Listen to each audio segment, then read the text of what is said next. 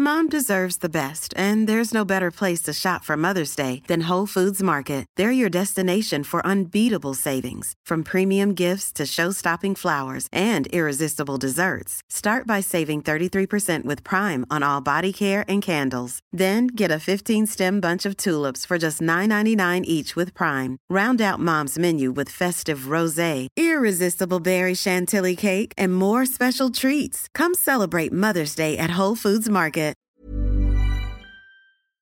Met z'n allen, zoals nooit tevoren, want jij hebt jouw lieve kleine Coco Lulu op school. Ja, ja, we waren voor het eerst in drie maanden gewoon gecrashed ergens. Ik was bij mijn beste vriendinnetje gisteren aan het eten. Ja. En eh, toen was het eigenlijk heel gezellig. En toen ineens was het best wel laat. En ze hebben een bed and breakfast. Die staat natuurlijk leeg nu ook. Hij blijft dan even slapen. Dus we bleven slapen. En, en toen hadden we geen luiers meer. Dus toen moesten we net nog even... Daarom ben ik nu best wel laat. Beetje te laat. Het is oké. We moesten nog luiers halen. En een hele stinkende poepbroek verschonen, hè, schatje. Dus Freek is er ook even bij. Die gaat er zo meteen meenemen. Maar nu is ze er nog even. Oh, het is zo Maar lief. het is toch echt... Het is toch... Ja, misschien... Oh, schatje. Je even Live. meekijken. Want kijk, ze heeft gewoon heel... Als ze zo zit, vindt ze het vaak heel saai. Want ze wil gewoon meekijken. Wat is er allemaal aan de hand? Hey, Dat is schatje. tante Gwen. Hallo. Het is zo bizar dat ik jullie herinner van de bruiloft. Ik was op jullie fantastische bruiloft. En bam. Kijk waar je nu zit. Die kleine is er gewoon. Dit is toch niet normaal? Het is toch... Het is toch ja, ik vind dat, ze zo, dat hoofdje is al zo'n zo kabouterhoofdje. Zo'n zo mini-mensje Het inderdaad. is echt een miniatuurmensje. En wat een lieve naam. Ze poept als een volwassene, zegt Freek. Hallo, Freek. Ehm, ja, je Freek is er ook. Ik weet niet of je Freek nu kan horen door de microfoon. But Kom maar he's here. hier, daarnaast staan. Dan kan... Kijk, Coco, misschien kan jij ook iets zeggen. Kijk eens. Dus, eh, nou ja, je weet het al, die kleine Coco Lulu. En inderdaad, als je denkt, wat zat ik lang op de wc? Dat was niet eens om ook te schijten. Ik heb gewoon niet, niet kunnen douchen, omdat anders we helemaal te laat waren. Dus ik moest de baby een fles geven, terwijl Katja zeg maar nog een beetje kon opfrissen. Ja. Dus eh, ik was net even op het toilet om eh, gewoon mijn gezicht even een Dit, tens is- dit zijn de liefste geluidjes hier. Kokos. Dit is baby ASMR. Oh, dit is lief. Oh, kijk Wat een dan. verschil hè, met die zware stem van mij, dat nasale, intonatieloze en dan die hele lieve zachte kleine kopjes. Ja, ze doet niks op commando. Nee, dat is waar. Doe lachen. No pictures, please. Oh mijn god. Het, ik, Tongetje. Ga je er nog heel even aan het lachen maken, Freek, voordat je er meeneemt? Hoe, doe je, hoe doe je dat? Als ze- Meestal als we heel erg naar haar lachen, dan lacht ze terug. Maar, maar Freek heeft helemaal gelijk. Ze nou doet het in weinig haar op leven ziet ze, ziet ze dit. Moet je je een voorstellen. hele het grote microfoon voor de neus. Het is een ufo met een dildo. erop. Ja. Hier. Coco. Dag schatje. Om te gaan. Dag lief of schattenbout. Oh, we zitten in het prachtige hotel Boot Co. En we hebben gewoon een kamer hierachter. Dus Hoe jullie chill. kunnen daar gewoon lekker chillen. Oh, kijk, dit is helemaal Simba. Kijk, ja, Simba. Dat doet Freek al ook. Doen. Dat kan je niet zien, maar nu wordt ze in de lucht. Ja. Oh. Oh, dag schatje. Dag liefje. Dag lievertje, tot straks. Ja. ja, we hebben lekker eten. Ik heb lekker eten besteld dit weekend. Ja. Niet normaal lekker. Lekker, hè? Niet Met normaal. Freek. Met Freek. Echt Met eten. Freek, echt eten. Nou, die varkenswangetjes. Het waren varkenswangetjes, toch? Ja, zeker. Ja. We zijn gespecialiseerd in groenten. Ze zijn Ja, gespecialiseerd in vegetarisch. Er was heel veel groente, maar er waren ook varkenswangetjes. Nou, hij wil niemand uitsluiten. Dus eh, Ja. zorgen dat eh, als je dan... Wangetjes zijn super lekker. De wangetjes zijn super lekker en visjes er ook bij. Maar het is met name vegetarisch. Maar als dan je een partner hebt die wel graag geen, geen Ja. al- eh, niet alleen groente wil eten, dan kan dat dus ook. Alles was super lekker, echt niet normaal. Ik heb een beetje mijn nek verrekt, dus ik zit hier een beetje gehandicapt te Oh, zijn. maar je ja, ja, gewoon verkeerd geslapen. verkeerd geslapen. hey, wij gaan officieel beginnen. Ik ga de leader starten. Allerbeste intro aller tijden. Hallo allemaal, Wim van Poorten hier. Leuk dat je luistert naar Met z'n allen de podcast. Deze podcast is voor iedereen en met iedereen. Vanuit Café Chris Scholte in Amsterdam behandel ik vragen van luisteraars en kunnen jullie live inbellen om mee advies te geven. Want samen is beter dan alleen. Iedere week schuift iemand aan om zijn of haar wijsheden te delen. En deze week is dat. Oké, ik heb een introductie voor je geschreven. Daar gaan we. Ze werd op 19 februari 1945 geboren in Bunnik. 45? Ja, dat staat hier. Heb ik Nou, dat is goddomme. Hoe oud denk je dat ik ben? Ja, dat deze week is verkeerd. Nee, dat is helemaal niet goed. Ik toch 75, debiel. Nou, ik weet dat ik iets ouder ben dan jij. Maar fucking 75. Oh mijn god, wat Ik denk je? ben- Welk jaar ben jij geboren? Ja, ik ga weer hoor. Daar. In welk jaar ben In jij fucking in 45. De oorlog was net Zeg dat er voorbij. een vijf in zit. Anders heb ik gewoon een... 75. Oh mijn god. Ja, maar... Die moet je er wel inhouden. Oké, Jezus Christus. Nou, ik denk dat ik met iets anders aan het doen was terwijl ik dit aan het schrijven... Dit moest gewoon een keer fout gaan ook. Want welke gek schrijft nou iedere keer een bio? Nou, daar gaan we. Ze werd in 1975... Oh, wat erg dit. Ze begon aan een studie politicologie. Nou, dat Ook niet klopt. waar, jawel. Maar die ruilde ze al snel in voor de spotlight. Haar grote doorbraak kwam in 1994. Toen hij zo'n 50 was. Met je rol als Jessica Harmsen in Goede Tijden, Slechte Tijden. Samen met haar GTST-collega's Guusje en Babette vormden ze het legendarische trio Linda, Roos en Jessica. Ze is presentatrice, ondernemer, powerhouse, mama van Sammy en Kokolulu, vrouw van Freek. Ze is er, Katje Schuurman! En Nou, zonder rollator. zonder rollator. Helemaal zelflopend. Nou, ik weet niet wat hier is gebeurd. Wel een maar, beetje ondersteund hoor, door mijn jongere vriend. hey, maar de rest klopt allemaal wel, toch? Zeker. Oké, eerst, hoe gaat het met je? Goed. Ja? Ja, nee, het gaat echt, echt heel goed. Ik ben zo blije muppet met die, die, nou ja, die baby. Ik, ik ben vooral nu heel veel thuis en met die kleine. En ik, ik kan de hele dag naar de kijken. En ik kan soms gewoon bijna, krijg ik even geen adem. Omdat ze weer zo... En dan ze lacht en dan doet ze heel vaak de tongetje zo. Naar buiten zo, tongetje zo naar buiten. Heel schattig. Ik word er zo blij van. En het is wel een feit dat de, de weinige uren die je s'nachts maakt, Ja. vooral heel vaak gewoon wakker s'nachts enzovoort. Maar ik vind het helemaal niet erg, hè? want ze lacht dan even en dan gaat het weer goed. Maar die beginnen nu wel op te stapelen. Ja. Dus eh, ik ben nu wel sinds een weekje, anderhalve week, beetje moe aan het worden. Maar goed, Ja. dat- hoort erbij. Hè? Dus ik vind ook altijd dat mensen dan gaan klagen over doorwaakte nachten. Denk ik, ja, dat, dat heb je met een baby. Maar ik begin er wel een beetje te voelen. Ja, dat snap beetje. ik. Dat snap ik. Maar, maar hoe zit het dan met werk? Je hoort Hoor je die kleine op de je de achtergrond. Zorg even dat ze niet huilt, Freek. Ehm, maar eh, eh, was je van plan om ook eventjes pauze te nemen? Nou, het is natuurlijk wel een, een, ja, een hele toevallige eh, samenkomst met het corona gebeuren. Want daardoor heb ik sowieso nu minder werk. Ja. En ja, maar ik zou nu ook nog niet echt heel erg aan het werk zijn hoor. Ik ga wel binnenkort weer wat leuke dingen doen. Ja. Maar ehm, ja, ik vind, het wel, ik vind het wel even goed zo. En ik ben wel dingen aan het doen voor Return to Sender. En dingen voor het kledingmerk wat ik heb. En ehm, Pom. voor Pom, ja. Pom bij Katja. En, ehm, en ik ga binnenkort een, beginnen aan een film. Maar ik doe alles maar zo. Want het, eh, je hoopt maar dat dat eh, eh, doorgaat natuurlijk. Maar alles met potlood in de agenda. En het is lekker rustig gewoon geweest. Lijkt me heel fijn dat je gewoon wel even... Kijk, je hebt natuurlijk wel eens pauze en je had hem ook wel in kunnen lassen. Maar beetje FOMO, dat je dan dingen mist of dingen moet afzeggen... is eigenlijk wel lekker. Nou ja, kijk, toch? ik zou tijdens mijn zwangerschap best wel veel aan het werk zijn geweest. Ik had een eh, presentatie, ik was een documentaire aan het draaien. Heel leuk allemaal, hè. Maar, en, een, eh, en een dramaserie zou ik doen. En dat ging ineens allemaal niet door. Maar ik ben dus, hoe fit ik was, zeg maar, vanaf dat ze geboren was... Kreeg ik ineens al mijn energie weer terug. Maar toen ik zwanger was, was ik helemaal kapot. Het was ook wel gewoon sowieso best een pittige zwangerschap. Ja. Dus ik was super moe en eh, nu kon ik niet werken. En ik zat in de tuin en mijn do- dochter Sammy van tien, die kon niet naar school. Natuurlijk een hele poos. Dus ik zat met haar in de tuin, in het zonnetje, met mijn dikke buik. Lekker moeten zijn, maar dat maakte helemaal niks uit. Dus ik vond dat eigenlijk echt wel een cadeau, moet ik eerlijk zeggen. Ja, ik bedoel, dat Ja. klinkt natuurlijk... Ik vond het corona is geen cadeau, maar dat ik niet hoefde te werken, was dat zeer zeker wel, ja. Ja, maar had je het je kunnen voorstellen dat je had gewerkt terwijl je zo moe Ik was? had- dacht echt, hoe had ik dit gedaan? Dan had ik het waarschijnlijk ook wel gedaan. Want als je dan moet werken, dan haal je altijd wel weer ergens de energie vandaan. Ja, Maar ik zat lekker in mijn tuintje, in het zonnetje. fijn. Heel erg te ontspannen. En Fijn. baby te bakken.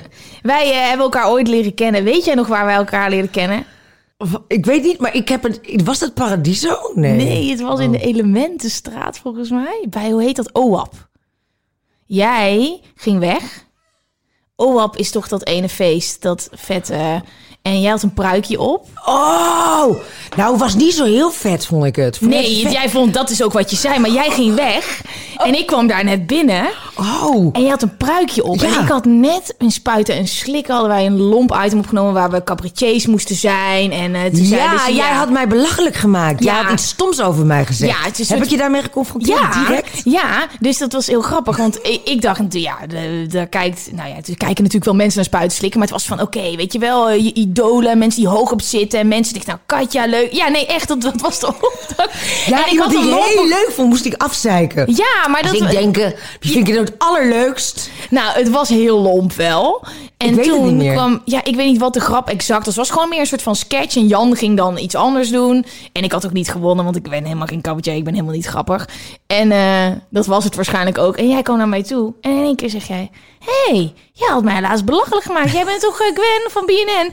En ik dacht, what the fuck, is dit nou Katje Schuurman? Want jij had dat pruikje op. Dus ik dacht, oh, en toen was het ook meteen eh, eh, eh, grappig en leuk. En jij ging weg en zei, ah, dit is een scheidfeest. en, en toen was het ijs gebroken. Ja, hartstikke goed. En toen zijn we elkaar daarna nog op vele feestjes tegengekomen. Ja, zeker, zeker. En ik vind het superleuk dat je er bent. Wat we hier doen is advies geven, eh, een beetje met eigen anekdotes. Mensen hebben vragen gesteld, gericht aan jou of een beetje in het algemeen. Bijna allemaal anoniem. En eh, daar fietsen wij lekker doorheen. Hartstikke goed, schat. Ehm, even huishoudelijke mededelingen voor iedereen die kijkt. Het is begin december. Het is feestmaand. We gaan het straks ook een beetje over de feestmaanden hebben. Want als we deze podcast opnemen, dan is het nog helemaal geen december.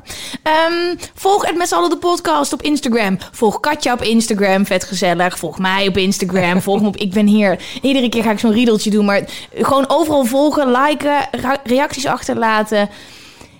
En daar word ik vrolijk van. Oké, top. Dan kunnen we beginnen. Ik wil eventjes helemaal bij het begin beginnen. Want jij begon met de studie politicologie. In welk jaar was dat? Nou, dat was... De oorlog was net begonnen. Het was denk ik 1943. Het was koud. Mensen hadden honger. Ehm, maar jij begon met de studie. Ja, omdat ik ontwikkelingssamenwerking wilde doen. En je had daar een, eh, een studie voor. Rurale ontwikkelingsproblematiek bestaat niet meer. Maar ja, ik vond dat ontwikkelingshulp, zo heette het toen nog, niet samenwerking. Dat, ja, dat functioneerde niet zoals het zou moeten. Mensen, eh, mensen in landen werden heel afhankelijk van die hulp. En eh, ja, ik geloof heel erg in het zelfredzaam maken van mensen. En dat is wat we nu met Return to Sender doen. Ja.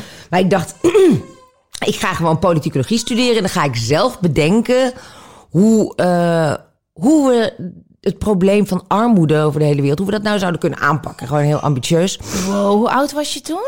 19. Wauw. Ja, ik dacht, oké, in mij ging en, gaat nog steeds alles nogal voor de wind. En ik kon goed leren. En ik had het, ik kom uit een hartstikke fijn gezin. En we hadden het prima voor elkaar gewoon. eh, gezellig, lief rijtjeshuis, allemaal niet heel... eh, eh, ik- maar ik had het gewoon hartstikke goed. Ja. Altijd gehad. En... ehm, dus ik dacht, ja, oké, ik kan nou wel op de, eh, alleen maar dingen, keuzes maken die mezelf nog vrolijker en, en, en maken. Eh, dingen die ik alleen maar zelf leuk vind om te doen. Maar wat vind ik nou echt belangrijk? En, en toen dacht ik, ja, er zijn zoveel mensen die geen, niet de mogelijkheden hebben die, om gewoon überhaupt te bedenken wat wil ik doen met mijn leven. Want die zijn elke dag bezig om van dag tot dag te overleven. Zorgen dat ze een dak boven hun hoofd hebben, dat ze wat te eten hebben. Dus ik dacht, ik wil me inzetten voor degene die het het allerzwaarst hebben op deze wereld. En dat zijn dan mensen die in armoede of in extreme armoede leven. Ja. En toen inderdaad dacht ik, nou, hoe ga ik dat dan doen? En nou, daar was ik dan aan begonnen met mijn studie. Maar Ja. eigenlijk wilde ik nog niet meteen gaan studeren. Dus ik dacht, ik wil even een jaartje iets anders doen. En dan ga ik daarna verder met studeren. Maar dat is dus nooit meer van gekomen. Maar het is grappig wel dat ik dus een aantal jaren later... via een omweg alsnog met ontwikkelingssamenwerking me ben gaan bezighouden... via Ja. Return to Sender. Daar gaan we het straks ook over hebben. Ja. Maar, ehm, waarmee we dus hè, we, heel kort, we halen producten we, eh, uit de armste regio's van de wereld, vrouwen die dat maken. En die daarmee een eerlijk inkomen verdienen. Ja, is fantastisch. Ja, en daarmee dus inderdaad zelfredzaam zijn. Ze kunnen zelf zorgen dat ze hun eigen boontjes kunnen do- doppen. Dat ze hun kinderen naar school kunnen sturen. Dat is het allerbelangrijkste. Hè? om Die Ja. armoede-spiraal te doorbreken. Dat er onderwijs is. Ja, en dat platform, dat, dat, wat je nu kan bereiken, Ja. dat is zoveel meer. Met het platform dat je hebt opgebouwd Ja. door jezelf. En zeker, dit is 15 jaar geleden hebben we dit opgezet. En toen waren we nog best wel een voorloper in deze manier eh, van ja, ontwikkelingssamenwerking Ja. doen eigenlijk. En Ja. we zijn ook heel vaak door het ministerie van Buitenlandse Zaken gevraagd om te spreken. Omdat, ja, omdat dit, dit wel de manier is om te werken aan verbetering op dat soort In plekken. plaats van daar naartoe gaan, de hele boel overnemen, zeggen Ja. wij kunnen het allemaal wel beter. Of geld sturen gewoon. hè, want wat het, dan vaak het is die zelfredzaamheid. Ja. Hè? Ehm, maar ehm, toen kwam goede tijden, slechte tijden, denk Ja, ik. ja dat, dat klopt. En ehm, ik, eh, ik was gewoon een beetje naar castingbureaus gegaan. Ik had op mijn zeventiende een eh comedy-serie gedaan. Dus ik vond dat wel grappig. Maar het was niet dat ik dacht, god, dat ga ik nou echt blijven doen met mijn leven. Ja. En toen heb ik audities gedaan. Toen werd ik gevraagd voor goede tijden. Vond ik echt, nou, dat vond ik echt belachelijk, want ik keek er nooit naar. En wij ik kom een beetje uit zo'n VPRO-gezin. Dus mijn ouders zeiden ook, nou, echt niet. Als je dat gaat doen, dan kom je het huis niet meer in. Meen je dat? Want het in Nederland was dit de grootste hit. Ja. En, dat, en dat, dat, ik wil niet disrespectvol zijn naar het goede tijden, slechte tijden van nu.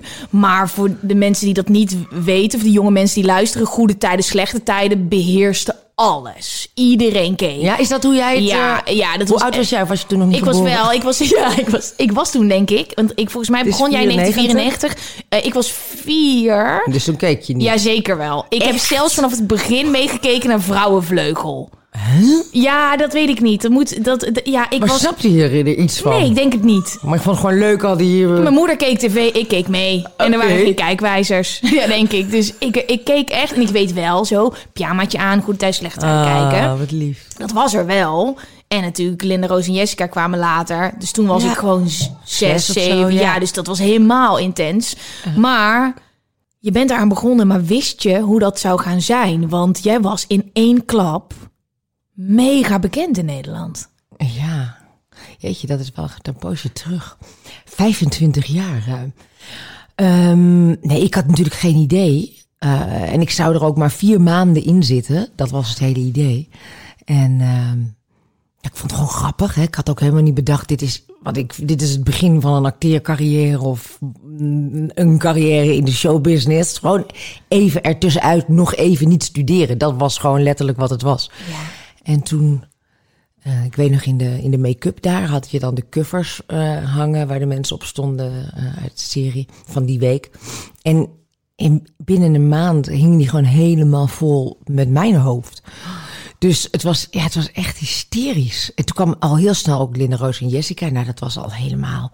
Wij, wij gingen optreden in het land. En dan kwamen we aan met het busje. En dan moesten we met politie worden ontzet. Omdat er zoveel mensen die busjes, busje aan het duwen waren. En we kwamen... We konden niet meer door de mensenmassa's heen. Het, nou, het was alsof we, alsof we de Rolling Stones waren. Zo. Het was echt...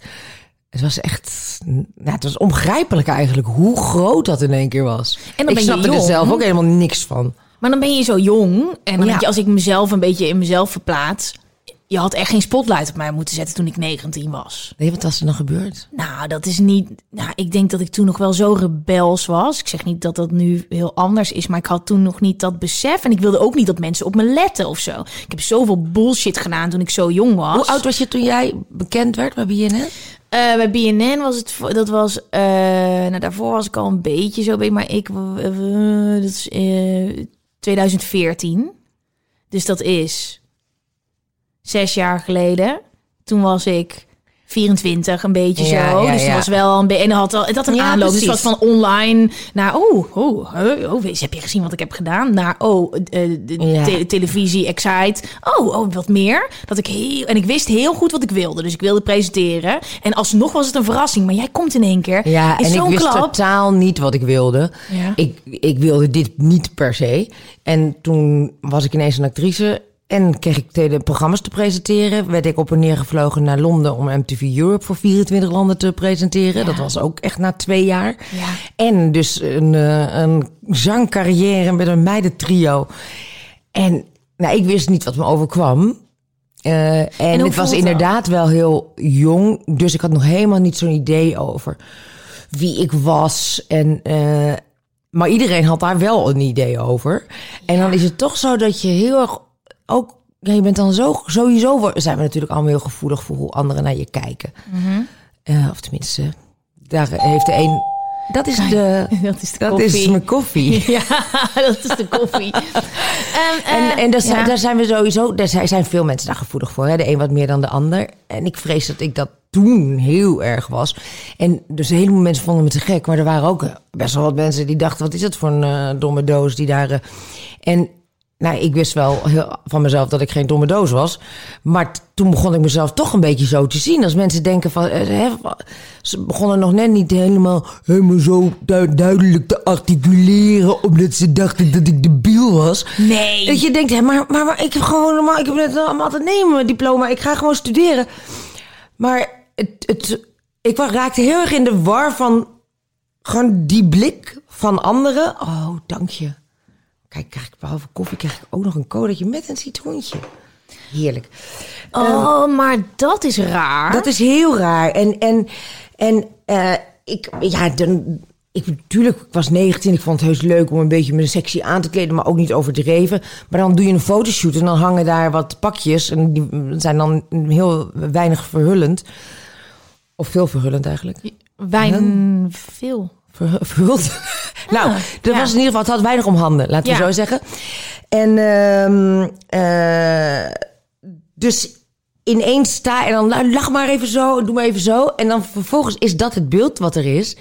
En, en dan ben je dus ineens een soort van sekssymbool. Maar dat is helemaal niet hoe ik mezelf dan zag. Waardoor ik daarna dan ineens me heel krampachtig kooltruien ging, eh, ging dragen. En heel serieus ging kijken van... eh, kijk, want dit, zo ben ik ook, weet je wel. Dus je bent dan heel erg met, dat, met die beeldvorming bezig. Gelukkig heb ik dat, heb ik dat ook wel snel losgelaten. Want wat jij zegt van, nou, ik was heel jong, ik deed nog gekke dingen. Ik heb al die dingen natuurlijk, en die gekke dingen en die domme dingen ook in de spotlights gedaan. Maar hoe is dat? Hoe is dat? Dat als jij iets hebt gedaan wat we allemaal doen als we jong zijn, gewoon rellen en rebels zijn. Ik beeld me dan helemaal in dat, kijk, de momenten dat ik hier op Leidseplein en de bubbels allemaal gekke shit heb gedaan, dat weet niemand. Nee, echt niemand. Eh, maar jij was op een leeftijd dat je gewoon en fucking bekend was en ook gewoon uitging en jong wilde zijn. Hoe gaat die combinatie dan? Want jij kon denk ik niet gewoon naar een club van... Ja, ja, Ja. dat deed ik natuurlijk wel allemaal. Dus dan, dan werd ik 's ochtends gebeld door mijn management. Wat heb je nou weer Oh, gedaan? heb je zo'n voorbeeld? Ja, dan stond ik, dan stond ik eh, op het podium met eh, Herman Brood. Ja. Die was eh 50 jaar geworden en dan had hij allemaal duetten met allemaal mensen. En wij zouden niet optreden met Linda Roos en Jessica, want live waren we gewoon niet zo super sterk. en dus wij deden altijd, zeg maar, semi-live heet dat. Dus Ja. over de band meezingen. Maar dat Ja. kon niet bij Herman Brood. Dus wij deden, zouden het niet optreden. Maar we waren er wel. Starnakel. Ja. Toen zei iemand, ja, maar dan doe dan gewoon alleen even de achtergrondkoortjes. Doen jullie alleen een beetje doe-up, doe-up. Nou, ze moesten Guusje het podium optillen. Mij er zo op duwen. En na doe-up, doe-up, waar we nog wel, dat brachten we er nog best redelijk vanaf. Zetten ze ineens Eternal Flame, ons nummer aan. En toen dacht ik zelf dat ik echt best wel lekker erin zat. Dus ik pakte ook de microfoon van Herman Brood af. En ik heb zo vals gezongen en hard. En toen ben ik gaan tongen met Herman Brood. Nee! Op het podium. Wat vet! Ja. Oh, maar dat soort shit, die En dat is was er dan. gewoon de hele vaderlandse pers bij, hè? En dat mijn... ja. En die belde dan de volgende dag naar mijn management. Nee, mijn management belde erin. Kunnen jullie dit alsjeblieft niet uitzenden? En toen zeiden ze, de meeste... Ja, dat waren we ook niet van plan. Dat zegt genoeg, hè? Want wa- als je niet eens als je denkt, dit moeten we maar niet uitzenden. Dan is het intens. Ik ben blij, ik heb het nooit teruggezien. Oh, wat, maar wat goed. Maar dit zijn van die verhalen. Er zijn wel goede Die zijn verhalen. fucking vet. Maar het is minder vet. En het lijkt me ook gewoon als je zo jong bent en nog aan het zoeken bent, Ja, weet je wel. maar ik moet wel zeggen, ik had best wel ook een beetje gelukkig, gelukkig een gezonde scheid aan de dingen ook. Ja. Ik da- da- aan dat soort dingen. Ik heb nooit gedacht, mensen die, die, die zeggen, nou, ja, je hebt een voorbeeldfunctie. Nou, ja, niet per se. Dat, die kan je nemen. En die neem ik ook eh, eh, bij, met onderwerpen waarvan ik denk, nou, hier, hier kan ik volgens mij iets goeds laten zien. En of, of in ieder geval open zijn over. Of dat nou gaat over mijn. eh, dat ik medicijnen slik om, om, omdat ik dat nodig heb voor, voor tegen dwang. Of, Ja. of ehm, dat ik vroeger eetproblemen heb gehad. Ik ben daar heel open over. Ik probeer niet me voor te doen als een soort perfect iemand. En ik denk dat ik daar in behulpzaam ben voor, voor, ehm, voor meisjes of andere of mensen die daar die met dezelfde problemen zitten. Ja. Maar ik heb niet het idee dat ik, dat ik eh, me heel braaf en alles moet gedragen omdat ik een voorbeeldfunctie heb. Ik bedoel, een politicus heeft een voorbeeldfunctie. Als je een politieagent bent, dan heb je een voorbeeldfunctie. Als je op, eh, op televisie komt, heb je niet per definitie een voorbeeldfunctie. Die kan je nemen als je dat wil. En dat doe ik eh, waar ik denk dat dat eh, belangrijk is. Maar je hebt natuurlijk wel ouders. Dat is gewoon het eerste waar ik aan denk. Mijn ouders. En je hebt natuurlijk ook wel dat je Ja. dan nog mensen wil ontmoeten, weet je wel, verliefd wil worden. Want toen was je nog natuurlijk niet met Thijs samen en zo. Dat je, ik, ik maar je denk dacht, dan, dat dan zie je je ouders in de bladen wat je allemaal hebt uitgesproken. Ja, en dat is bij mij niet dat dat, eh, dat was toen helemaal, dat is helemaal niet eh, gebeurd. Maar dat ik wel denk, nou, weet je toch, je bent jong en rebels en je wil wat. Nou, dat is Ja. gewoon mijn, mijn rugzak. Maar bij jou is het dan zo, had je dan ook wel dat je je ouders dan ging? Nee, dit is niet uitgekomen. Maar dat je je ouders dan af en toe ging bellen. Ik heb wel met spuiten en slikken dat ik dan van tevoren zo, nou, hallo. Ehm, nou ja, we gaan dus een item maken en eh, dan ga ik ecstasy eh, proberen voor, het, voor het eerst. En nou, Oh, hoe zijn jouw ouders daarin? nou, zij zagen gewoon wel echt dat presenteren mijn droom was. En dat ik zo Ja. hard had gevolgd om daar te komen. En dat het dan veilig gebeurde en dat het ook educatief was. Maar ja, dat is natuurlijk wel, nu we zoveel jaar verder zijn, dan hebben we het daar ook wel over. En ja, het is natuurlijk niet niks als je dochter gewoon zo vol gas... En Nou, ja, mijn, mijn ouders die waren vooral toen ik bij BNN zat, Ja. toen deed ik de meest achterlijke dingen. En ik vond het heel lastig om nee te zeggen, want dan vond ik mezelf een slappeling. En je hebt zoveel mensen om je heen, Dus- zo'n groepsdruk. Of Zeker. En ik vond nee zeggen gewoon heel stom. Ja. Dus ik zei eigenlijk nooit nee. Dus ik deed allemaal dingen die ik ook super eng vond. En Ik heb jouw beeld bungee jumpen. Oh, dat is en ik heb gewoon echt hoofd. hoogtevrees? Ik ben daar geweest en mijn vriend heeft het gedaan. En ik weet nog zo in mijn hoofd hoe jij daar stond. huilend. Zo. Oh, maar ik heb zoveel dingen jankend gedaan. En dat vond BNN dan weer heel grappig, want dat is wel leuke televisie. Als ik weer ergens huilend uh, ondersteboven aan een touw aan de Euromast eh, bungel. Nou ja, ehm, eh, maar goed, niet alleen dat soort dingen. Hè. Met, met Try Before You Die deden we de meest idiote dingen. En dan nou, ja, ga je dan even leuk in die kooi met die tijger. En dan eh, moet je hem eh, laten springen. Dan moet je met een stokje, ja, nou, doe maar wat. Ja. En dan dacht ik, ah, oké, dan, doen we, oh, ja, dan doen we een band om. Even kijken hoe bang je bent. Of je hartslag Ja. omhoog gaat. Nou. toen ik net iets te dicht achter die tijger stond, hij deed zo. Ah, toen, ja, toen ging mijn hartslag wel omhoog, zeg maar. En eh, dat is gewoon echt best wel gevaarlijk. Of, aan de, of, of bij, bij eh, op een gegeven moment zeiden ze van ja, dan gaan we nu de Mont Blanc ongetraind beklimmen. Toen heeft mijn moeder, die heeft de, de zonder dat ik het wist, de redactie gebeld en heeft gezegd dat gaat ze niet doen. Ja, ik kan niet eens, wat heb ik allemaal gedaan, joh? Ja, nou ja, bijna gestikt inderdaad in de, in de riolen van Mexico City. Dat, dat, dat de stront zo tot die, nou ja. Maar hoe is dan het punt gekomen dat je zegt, ik kan bijna geen nee zeggen. Wat is die switch geweest? Dat je dan op een gegeven moment toch wel, of is het nog steeds zo? Dat je niet, ja, het zijn natuurlijk andere programma's geworden. Wil jij koffie trouwens? Ja, hè? Oh nee, zo meteen. Nee, maar ik heb nu dit. Nee, ik zat eventjes, we hadden het net over dat. Ja, ASMR.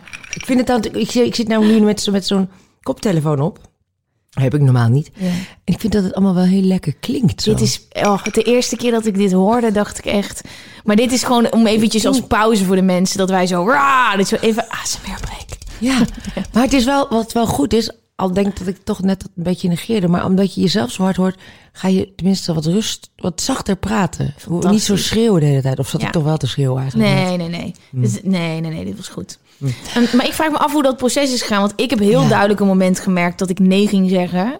En dat ik toen in één keer een soort van voelde dat mensen dachten dat ik moeilijk was om mee te werken. Omdat ik gewoon eindelijk wist wat mijn eigen grenzen waren. En dat is echt kut. Heb je een voorbeeld van iets waarvan je dan zei van op een gegeven moment, nee, maar dat ga ik dus niet doen? Eh, ja, bij spuiten en slikken aan het einde. Maar dat heb ik ook dan weer wel gedaan. Nou, op een gegeven moment merkte ik, ja, dat is kut. Dat, eh, toevallig heb ik het daar laatst over gehad, ergens bij 538. Dat er dan, dan was er een komkommer. En dan gingen we met z'n drie aan het einde van een soort van sekslesje. En ik eh, was de tafel aan het leiden. En dan eh, had ik allemaal lekker eh, Emma en Sahil en Jurre, die waren er ook. Dan doen jullie dat met z'n drieën. En dan krijgen jullie seksles en hoe je moet pijpen. En dat doe je dan op een komkommer. En ik zei, ja jongens, ik vind het superleuk. Maar ik sta dadelijk met mijn kop ingezoomd op Dumpert met Gwen pijpt een komkommer. Er is niks van over. De hele context is dan weg. Ja. Ik, ik had gewoon heel duidelijk zo'n stem die nee zijn. Dan iedereen om je heen, de redactie en de Ja, eindredacteur. ja, ja. En ook die, weet je wel, ook als je wat jonger bent, iedereen om me heen, die deden dat allemaal wel. Nou, deed ik het wel, natuurlijk. Volgende dag zag ik het overal staan.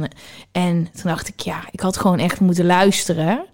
Ja. En ik was dan ook niet leuk, want ik was niet leuk. Ik zei echt van, ja, luister, ik ga dit niet doen. En iedereen om me heen keek me echt aan van, jezus, diva. En toen dacht ik, oh, heb jij ook zo'n moment gehad dat je dan, dat je anders Ja, dat werd? heeft wel echt eh, wel heel lang geduurd.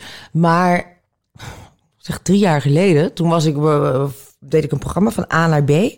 Toen reed ik in een, eh, een taxi. Reed ik van Sint-Petersburg naar, naar Amsterdam.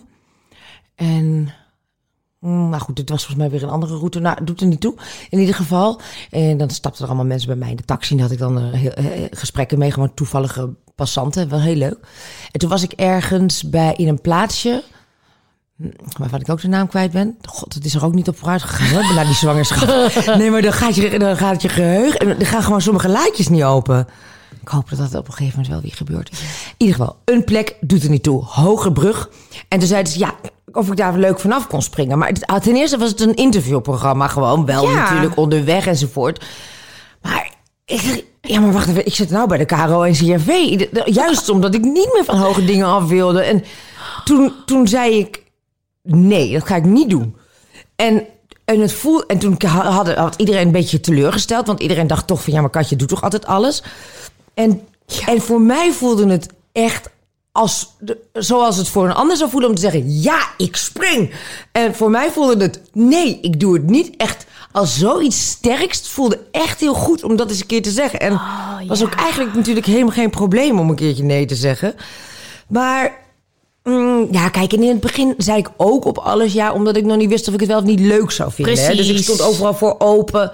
Ja. En dus heb ik ook echt eh, een paar, eh, ja, Planning for your next trip? Elevate your travel style with Quince. Quince has all the jet setting essentials you'll want for your next getaway, like European linen, premium luggage options, buttery soft Italian leather bags, and so much more. And is all priced at 50 to 80% less than similar brands. Plus, Quince only works with factories that use safe and ethical manufacturing practices. Pack your bags with high-quality essentials you'll be wearing for vacations to come with Quince. Go to quince.com slash pack for free shipping and 365-day returns. Quality sleep is essential. That's why the Sleep Number Smart Bed is designed for your ever evolving sleep needs. Need a bed that's firmer or softer on either side? Helps you sleep at a comfortable temperature? Sleep Number Smart Beds let you individualize your comfort so you sleep better together. JD Power ranks Sleep Number number 1 in customer satisfaction with mattresses purchased in-store. And now save 40% on the Sleep Number limited edition Smart Bed for a limited time. For JD Power 2023 award information, visit jdpower.com/awards. Only at Sleep Number stores or sleepnumber.com. programma's gedaan waar je nou niet van kan zeggen: God, nou geniaal. Nee. De Telebelshow. En dan, dan, dan, dan Joop van Ende zei: Kom maar. Dan komt er een auto binnen en dan zit jij op. Want ik presenteerde dat met Reinhard Oerlemans. Ja. En dan moet ik dan op de motorkap. Hoezo moet ik op de motorkap? Dat vind ik echt super stom. Nou, toen ben ik uiteindelijk toch op de motorkap. Want, Tuurlijk, maar ja. dan wel zo. Ik zat dus zo op de motorkap met mijn benen vooruit en mijn armen over elkaar. Dus niet sexy. Niet zeg maar liggend zo leuk gedrapeerd Ja. op de voor. eh, Op de motorkap, maar gewoon wel een beetje stuurs en stoer. Oh, dus dan nog wel op mijn eigen manier. Maar het was wel gewoon, ja, ik stond daar toch uiteindelijk. Ik zou het, dubbel, het zou een co-presentatie zijn.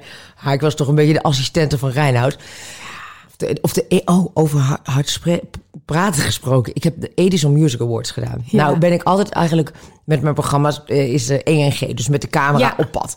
Niet in een studio. Ja. Dus ik oh. was dat helemaal niet gewend. Ja. En ik stond daar in een, met heel veel mensen. Geen koptelefoon. Oh nee, ja. Wel een microfoon. Ja. Dus ik dacht, ja, die mensen moeten me allemaal horen. Oh. Welkom bij de Edison Music Award. Nou, ik oh, I heb het teruggezien. Oh. Het was afschuwelijk. Waarom heeft niemand tegen me gezegd dat ik gewoon zo kan praten? Want dan hoor je het wel thuis. Maar wat een honden, want zij moeten dat gewoon gemerkt hebben ergens. dat want is ze dat niet. Oh, maar I feel en toen, you. En toen, en toen hadden we met Carlo Boshart deed ik dat samen. En toen gingen we zingen. ehm, ehm, van de Titanic, van Celine Dion. Ja, my heart will go on. Ja, nou, dat is, dat is natuurlijk sowieso een onmogelijk nummer om te zingen. Trouwens, waarom zou je het zingen? Goed. Dat was toen in die tijd een hit. En wij gingen dat ook zingen. Maar we zouden het wel gaan playbacken, want het was live wel heel lastig. Dus, dus maar Carlo was eerst gaan inzingen zonder mij. En die had het op zijn toonhoogte gedaan. Wat er voor mij twee mogelijkheden overhield. Of... Nou, dat. Of... Dus ik moest voor die hoge gaan. Nou, ik heb het dus ingezongen. De dag daarna was, waren die opnames in de studio. En ze zetten dat, die band aan die ik ging playbacken. Vals. Hoe kan je nou vals playbacken? Was verschrikkelijk. Ik, heb, ik wilde gewoon een week ben ik de deur niet uitgegaan. Ik wilde met een zak over mijn hoofd. Oh, gewoon, het was verschrikkelijk. Het was, het was een aanfluiting. Oh, maar wat fantastisch is ook, weet je wel, dat je dan ook naar zoiets, het gaat ook voorbij. Weet je, dit en niemand weet het meer, behalve nu weer, omdat ik het weer oprakel. Oh, maar wat fantastisch. Maar dat overschreeuwen is een probleem wat ik altijd heb. Ik ben natuurlijk altijd ook in clubs en op feesten. En laatst zat ik in een helikopter. Oh, ja. En ik zat... En nou, die mensen zijn natuurlijk met alles bezig behalve met mij. Dus ik zat met... In met dit is van de, de helikopter. En ik had dan een mic. En ik... Ondertussen gingen ze stunten. En ik ging dan die teksten allemaal in het Engels. En ik zei... Klinkt het een beetje goed? Dus hij zei zo... Ja, ja. Met alles zo. En zo. En ik heb echt doodsangsten uitgestaan. Twee weken. Want was niet mijn productie. Ik zat ook niet bij de edit. En ik zat echt... Ik, ja, ik kijk nooit mijn eigen shit. Maar ik zat op de bank en ik denk... Nou, als die beginpresentatie is... Welkom! dus ik denk gewoon... Ik heb iedereen helemaal kapot gemaakt. En het viel uiteindelijk mee. Maar altijd is het het overschreeuwen. Ja, maar dat is ook super moeilijk. Je moet eigenlijk inderdaad dan... Nou ja, een koptelefoon staat gek. Maar misschien dan van die oortjes in of Ja. zo. Maar goed, dat had ik niet. Ja. Dus ik, ik wist het gewoon niet. ja. Maar het was, het, was, het was verschrikkelijk om naar te kijken. Fantastisch verhaal wel. We gaan naar de eerste vraag. Want iemand heeft een vraag gesteld. En dan start ik een gezellig muziekje Oh, in. leuk. Hey. Hey Katja en Gwen, wat leuk dat jullie met elkaar in gesprek gaan. Ik heb een vraag die vrij gericht is. Ik las in een interview dat Katja heel open is over haar dwangneurose en dat ze daar medicatie voor heeft. Mijn beste vriendin heeft dit ook en ik zou hier heel graag meer over horen, omdat het best nog wel taboe is. Liefs, nou, staat Lisa, dus dat is niet anoniem. Ja, daar had je het net zelf ook al over. Jij bent daar heel erg open over. Ja. Maar wat is een dwangneurose precies?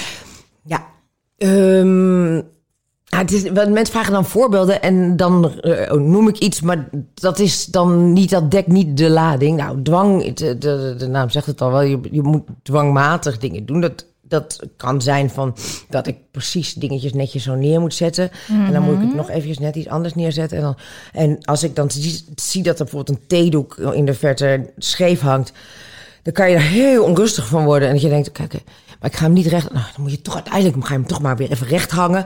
Of ik heb ehm, eh, met getallen bijvoorbeeld... dat je eh, ergens een getal ziet staan... en dan moet ik uitrekenen hoeveel dat... eh, tot en met 100, wa- als het een 56, eh, 100, dat is even een simpel voorbeeld, is dan 44 verschil. Dan van 100 met 44, 56, 6, 6 met, vier- dan moet ik dat op 600 verschillende manieren moet ik dat dan gaan uitrekenen. En als ik het niet doe, dan is er een soort van, ja, dan gebeurt er in je lijf gewoon iets wat Ja, het is zo raar. Alsof het als niet ik het af is. omschrijf, is het zo... Als ik bijvoorbeeld hier... Een, ik heb een glas in mijn hand nu. Er zit een... een, een ehm, ja, nee, dat is geen goed voorbeeld. En, en in mijn tas. Eh, of ik daar mijn telefoon in heb. Of mijn lipgloss. Dat zijn Ja. dingen die ik altijd kwijt ben. Dan doe ik die in mijn tas. En dan denk, dan geloof ik eigenlijk niet dat die in mijn tas zit. Dus dan kijk ik en dan zie ik het in mijn tas. Moet je nog En dan doe ik hem weg. Maar dan alsof, dan, alsof ik met mijn ogen eventueel eruit heb gekeken. Of dat mijn, maar als ik het er. Dus dan zit het er misschien niet in. Dan moet ik soms wel 30 keer kijken of dat erin zit. Het is. Het is Dat heb is met de wekker, dat ik hem dan zet en dan weet ik niet en dan moet ik nog tien keer, maar dat dan extra. Iedereen heeft denk ik wel op een beetje. Hè, van eh, nog even nog honderd keer kijken of het fornuis uitstaat. Of, eh, Ik heb ooit het gas aan laten staan. oh. Toen ik, ja, dat is heel erg. Toen moest de brandweer ook komen en zo. Ik ben ooit thuisgekomen s'avonds na een lange dag. en Maar er was ik- niet. Er was niet Nee, ik kom, het loopt zo tegen een muur van gas aan. En dus nu heb ik Oh, iedere joh, avond dat ik moet kijken of ik het gas heb uitgezet sinds dat. Maar wat jij hebt is... Nou, het is gewoon. Ja, en dat je. Ja, goed, duizend dingen. Maar ik had Ja. dat eh, vanaf dat ik. Nou, dat ik jong was al wel, maar dat begon la- later dan wat extremere vorm aan te nemen. Dat in combinatie met. ehm, het is niet een bipolaire stoornis, maar het heeft wel. Het is heel veel mood swings eh, kan ik eh, hebben. Het is gewoon heel. Het gaat, ik kan heel onwijs op en neer gaan. En toen ik recent ben gestopt met medicijnen om zwanger te worden, toen kwam dat weer eventjes heel hard om de hoek kijken. En ik was gelukkig eigenlijk vergeten hoe heftig dat was. Dus dan ga je van, van diep verdriet naar woede, naar pure paniek. Het is echt eh, heel naar. En In een tijdsbestek van een dag. in, ja, in een dag kan, kan dat, al, dat cirkeltje wel een paar keer eh, de revue passeren. Ja. En ehm, mijn moeder, want het is ook, ja, dit kan genetisch bepaald zijn. Mijn moeder heeft dat ook. En die, daarbij haar, hij heeft dat zich geuit toen ik 12 was. Ongeveer, dus eh, ruim 30 jaar geleden, in, eh, in smetvrees. Ja. Dus je denkt alles vies is, dat alles het gewassen moet worden. Je duizend keer je handen moet wassen, maar ook op sommige plekken in het huis niet mochten komen. Want er was iemand geweest die was ziek en dat totaal geen besmettelijke ziekte. Maar dat zit allemaal in je hoofd. Hè. Het is gewoon zo'n kortsluiting, een, een, mismatch. Het gaat niet helemaal... Het, is geen, het, het, gaat om stofjes die je mist of die niet op een goede manier worden doorgegeven. Dus het is chemisch. Het is eigenlijk gewoon lichamelijk. En dus kan je er met medicatie iets aan doen. En zeker toen mijn moeder zo ziek was. ehm, want dan was echt ziek. Ze was afgevallen woog. Was er geen schim meer van zichzelf. Nog, nog maar 40 kilo of zo. En, ehm, en hij heeft heel veel gedragstherapieën gedaan. Want dat is wat heel veel... ehm, dat een beetje de traditionele denkwijze is. Heb je een probleem met je, met je hoofd, dan moet je in therapie en dan kan je je gedrag leren veranderen en je denken leren veranderen. Gewoon Ja. door training. Maar als er iets chemisch mis is, kan je trainen tot je een ons weegt. Maar dat werkt niet. Dus je hebt dan medicatie eigenlijk nodig. En ik zeg helemaal niet dat iedereen naar de medicijnen moet, maar het is. dus Je, zou er zo. Als, er, als je met gedragstherapie eh, hier niet vanaf kan komen, dan, dan Ja. kan je je leven zo. zo- nou, zoveel mooier en beter maken door gewoon medicijnen te slikken. En mijn moeder heeft toen, eh, 30 jaar geleden was het nog meer taboe dan nu. En die heeft toen medicijnen gekregen en ze had al jaren er, eh, onge- nou was ze gewoon ziek en is ook uit huis geweest. En ze is in, in een, ehm, is ze opgenomen geweest. En binnen een maand was ze gewoon de oude. Dat is echt ongelooflijk. Want is die drempel dan hè, voor mensen dat ze dan... Omdat ze denken dat ze het zelf... Omdat, nou, we hebben natuurlijk ook leven in een behoorlijk Calvinistisch land... waarin we de hele tijd denken, we moeten het zelf doen... en ik wil geen spullen in me, in me Ja. stoppen. Omdat ze ook een beetje het gevoel hebben dan... dat ze niet meer zo zichzelf zijn. En ik zeg altijd, ik ben juist niet mezelf Ja. zonder medicijnen. Want dan ben ik toch helemaal niet diegene die dan helemaal eh, woedend is... of super verdrietig. Ben ik dat? Ja. Nee, dat ben, dat, dat, dat ben ik niet. Ik, dit is wie ik ben. Ik heb er alleen een beetje wat hulp bij nodig. En ehm, hoe was dat dan met je zwangerschap? Want het is, een, het is natuurlijk een lange periode. Je bent negen maanden zwanger. Ja. Ehm, en dan is het ook nog eens in coronatijd. Dus dan zit je ook nog eens, in plaats van alle afleiding die je hebt, ben je in één keer thuis. In een soort van onzekere wereld. Wat voor zwangerschap moet dit dan zijn geweest? Lijkt me een hele gekke situatie. Ja, nou moet ik eerlijk zeggen dat ik van, die, van corona op die manier niet de, zo, ik, zo'n mm, zeg maar last heb gehad in de zin van dat ik me daar eh, onzeker ma- eh, over mijn eigen toekomst heb gemaakt. Nee. Tuurlijk ben ik heel erg geschrokken zoals een ieder in het begin. En ook omdat je nog niet helemaal niet weet wat het is. Maar geen is afleiding dit een of zo, soort weet van, je wel? van de pest waar we allemaal aan omvallen.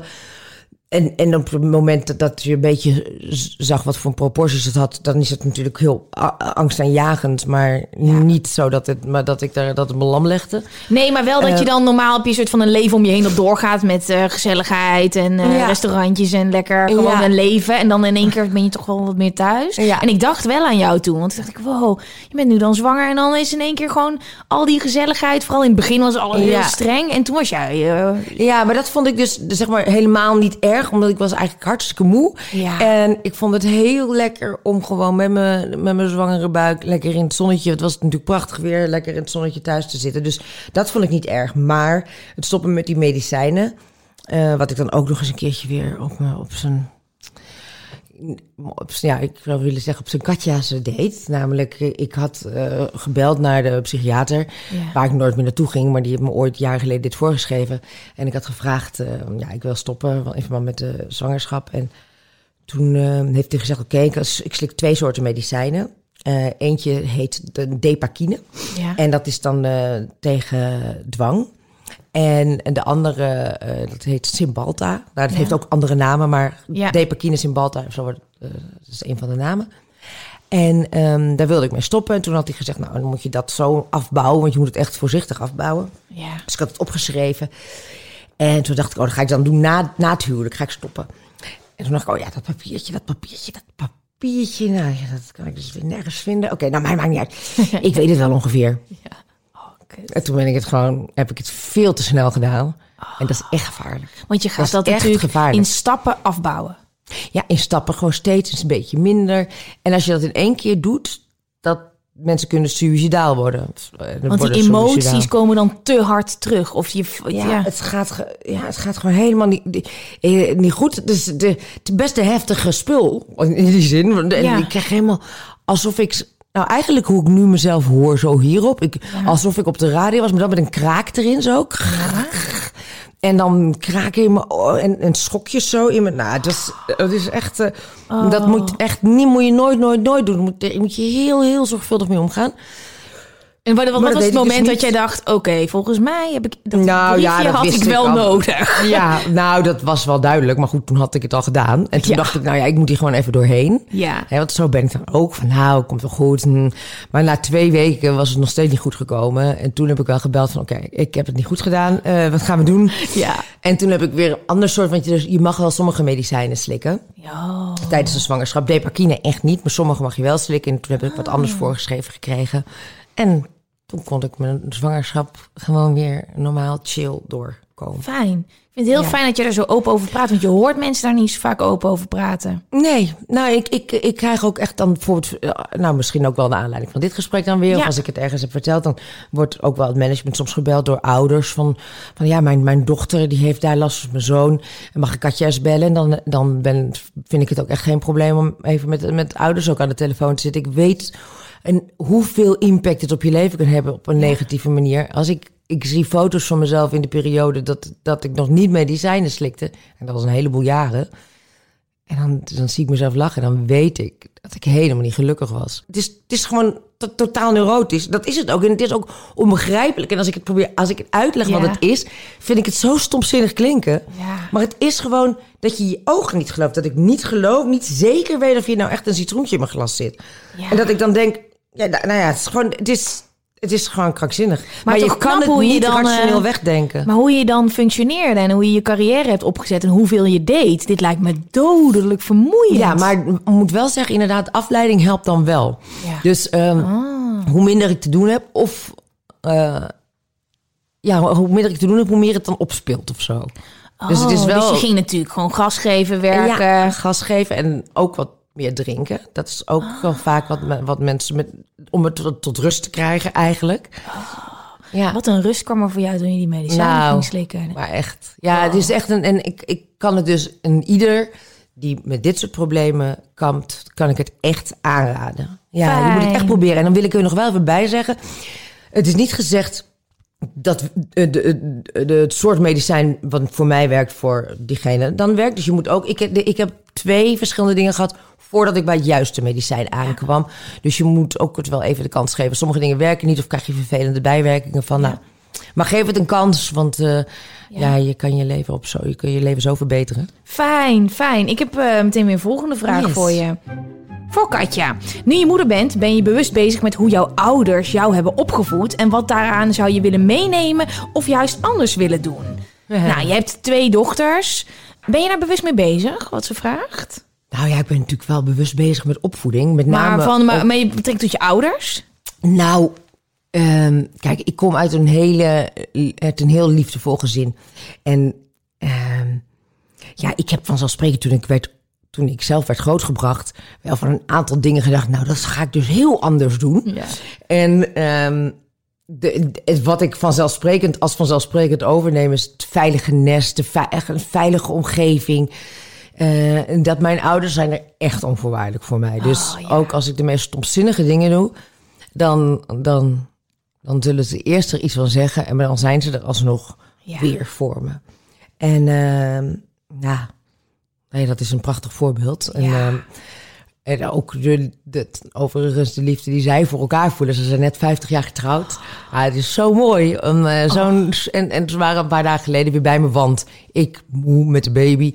En dan zei ze ook gelijk weer, oh, zullen we je helpen? Dan komen je even, je ontzien. Dan kan jij smiddags even slapen. Dat zijn echt mijn ouders. Altijd met alles, alles helpen. En, en dan hoef je niet te vragen. Maar ze bedenken het al, altijd zelf. En dan, dan stonden ze weer bij het wiegje. En toen zat mijn, vader... Oh, wat is ze knap, hè, die, die, de baby. Nou, wel goed dat ze niks van mij heeft, maar eh, gewoon alleen maar van je moeder. En dan zegt mijn moeder, nee, maar jij bent toch ook een hele knappe man? En dan knuffelt ze hem en dan zit ik te kijken. Dus ze zitten op de bank altijd, als ze, als ze een filmpje zitten te kijken, hand in hand. Hoe zoet. Oh, wat lief. Dat is toch te gek? Nou, kijk, die warmte en die knusheid en die kneuterigheid...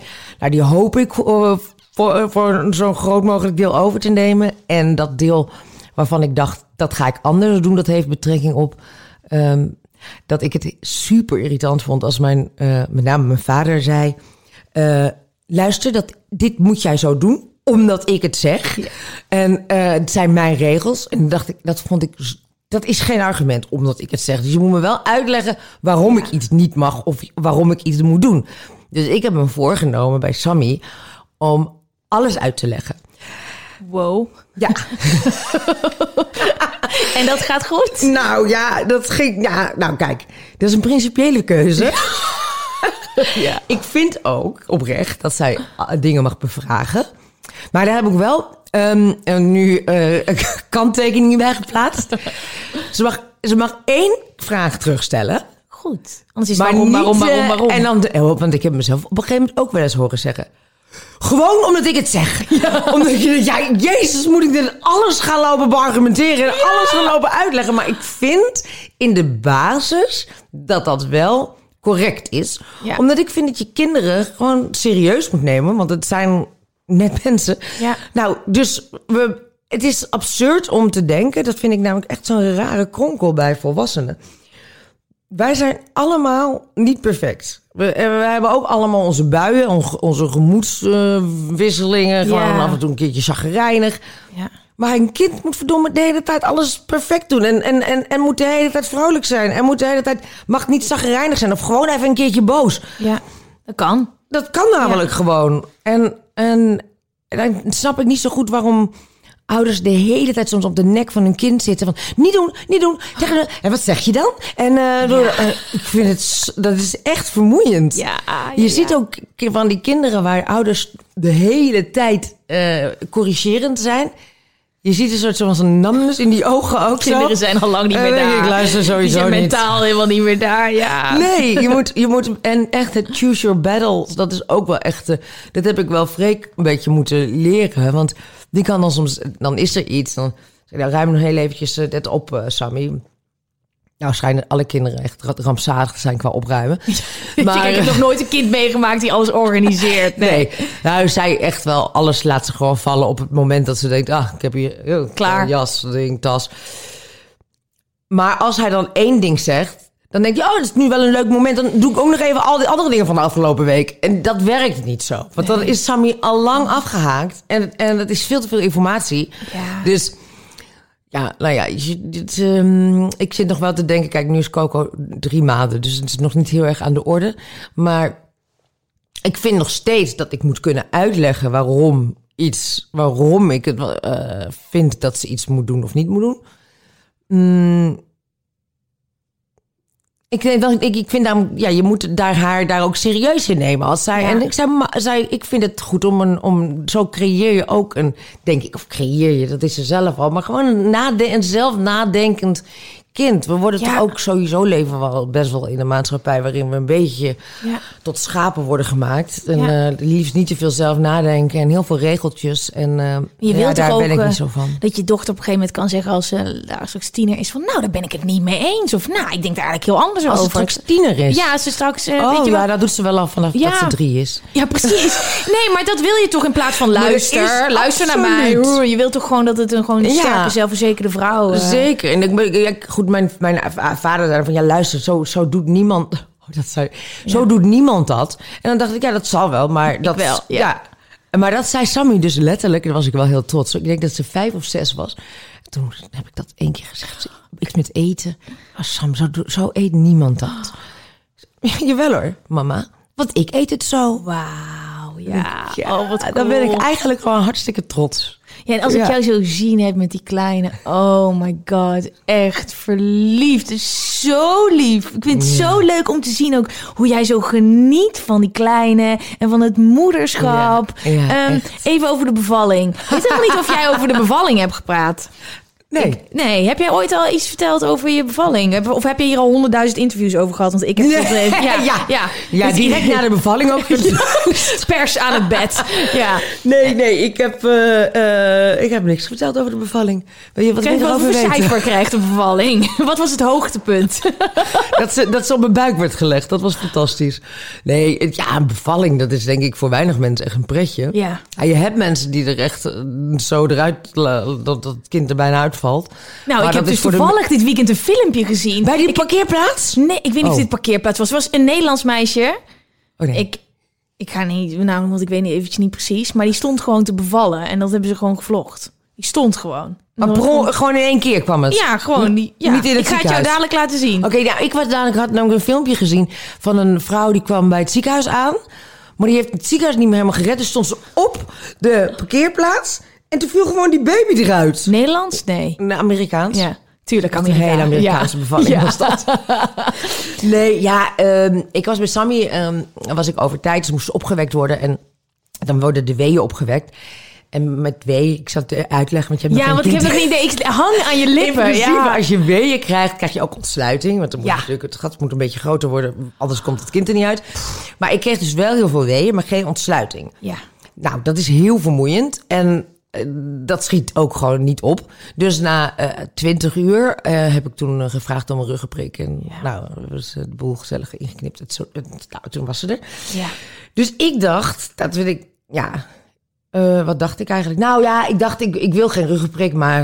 En dat snap ik het dus al- niet, hè? Nee, maar dan kan je niet zo goed persen. Ja, maar ik denk gewoon, ook als ik naar Amerika kijk, ik heb echt onderzoek ook gedaan.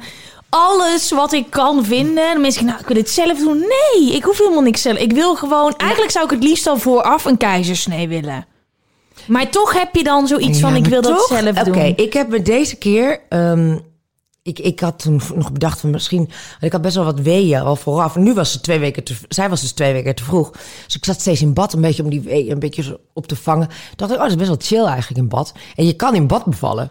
Dus toen ik aan het ziekenhuis aankwam... Toen dacht ik, hebben jullie misschien een bad? Ja, maar dat kon. Toen hebben ze een bad, mm, zo'n opblaasbad in dat badkamertje neergezet. Toen ben ik met Freek in dat bad gaan zitten, heb ik die eerste weeën opgevangen. En toen werd het, toen kwam het, nou, dat werd zo heftig, dat, dat werkte. Ik zat kotsend in dat bad van de pijn. Nou, weer meer details. Nou goed, toen Ja. ging ik dacht, nou, dan ga ik er maar uit. Toen kreeg ik een morfinepompie. Maar ik dacht, ik ga niet een ruggenprik doen, want dan kan ik weer niet persen. Maar Kijk, het duurde uiteindelijk vijf uur, maar dat weet je niet op dat moment. Dus ik dacht, als dit 24 uur duurt, dat is een hel. Het was, het was zo. Voor een paar uur was het sowieso ook best wel hellig. Ik raakte ook behoorlijk in paniek. En zo je denkt want je hebt namelijk, het al het een kan er gewoon niet uit. Dit gaat niet. En, en het gaat gewoon niet. En, en toen kwam zo'n stukje zo. Ja, we zien er, we zien er. Nou, Trek er er dan uit. Trek er eruit. Ik denk, pak die oksels. Pak dat baby eruit. Ja. En, de, en dan de verpleegster zo heel, de verloskundige heel rustig. Dat gaat niet.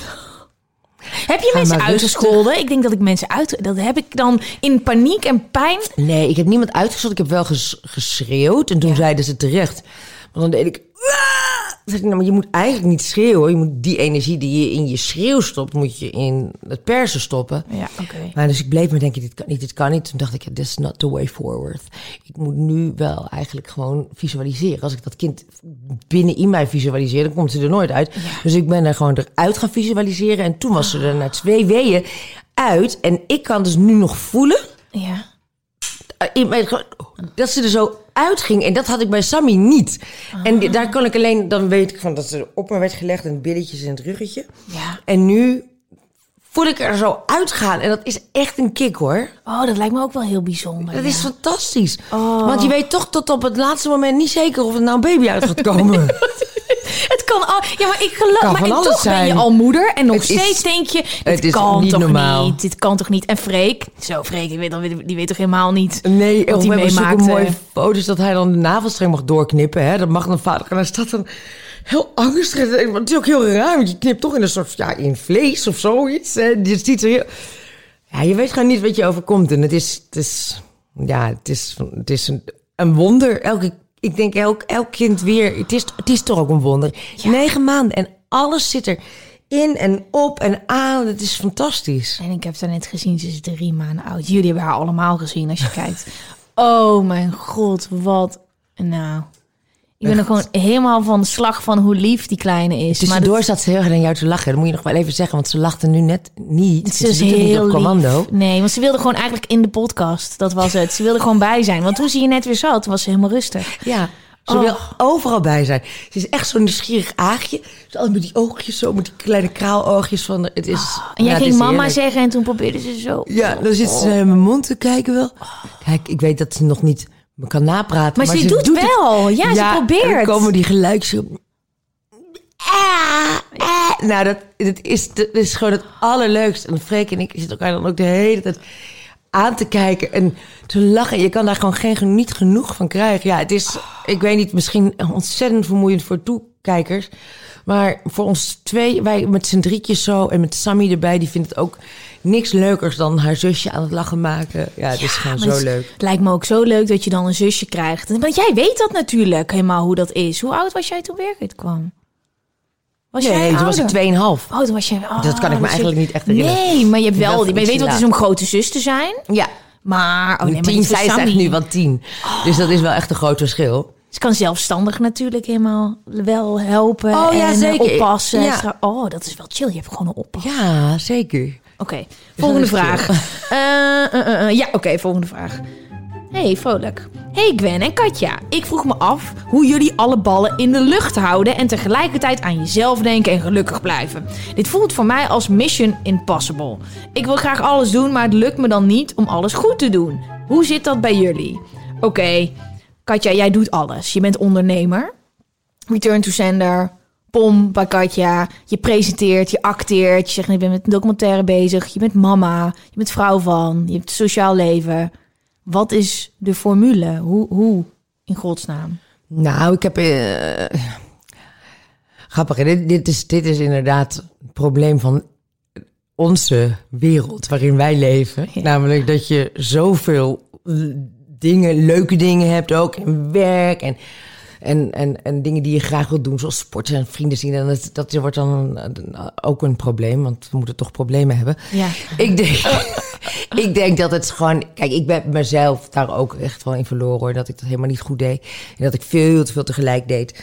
En dat ik... ehm, nou, dus gewoon ook wel eh, overwerkt was. Ik heb nooit een burn-out gehad hoor. Maar wel als, als op een gegeven moment... Je, als een mens tegen je praat en je kan eigenlijk niet eens meer horen wat iemand zegt... en je neemt een slok water en die kots je er alweer uit... en je stem is weg, dan weet je wel...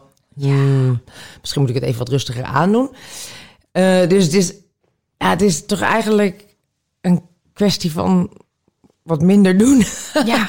en en eh, kijk, Ja, hoe- ik, ik denk dat het heel belangrijk is om in je agenda gewoon soms toch... Ik, ik ben wel echt van mijn agenda. Dus, eh, en dan dus echt wel dingen vooruit plannen. Dus ik zet dat ook wel in mijn agenda. Nou, dan en dan doe ik yoga. Ehm, kruisen in mijn agenda. Dat doe ik inmiddels. Hè. Dus dat je dan, nou, dan ga ik niet werken. Dan doe ik ook even...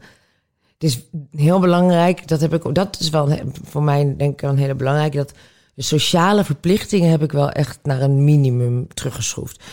Want daar kan je, je, daar kan je een dagtaak aan hebben. En dan zie ik iedereen die ik leuk en lief vind. Hè. Je hebt natuurlijk je beste vrienden. Maar je hebt ook mensen die echt, nou... Gezellig. Ja, maar echt, toch, ja, de kennis vind ik ook zo. Maar dat zijn ook vrienden. Ja. Maar dan niet je beste vrienden. Maar dat zijn er best wel veel. Ik bedoel, je verzamelt er een heleboel eh, gedurende je leven. Maar als ik die allemaal, met, met hun allemaal een leuke avond wil hebben... dan Is ben je... Dan is het jaar vol. Ja. Ja, dat is gewoon zo. Ja. Dus, ehm, nou, als het straks weer kan, eh, na de coronatijd, dat, want, en daarvoor ging dat dus wel. En dan deed ik gewoon feestjes. Dus dan zag ik gewoon meerdere mensen in één keer. Dus dan dacht ik, en dan dat is toch ook wel gewoon praktisch. Dat ik dacht, dan heb ik er gewoon tien in één keer. Slim. Eh, maar eh, ik denk inderdaad dat gewoon wel tot een minimum, minimum beperken. En veel meer eh, de sociale contacten niet eh, echt plannen, maar meer op van het toeval laten afhangen. Dus over, nou, ik heb nu wel zin vanavond om iemand te zien.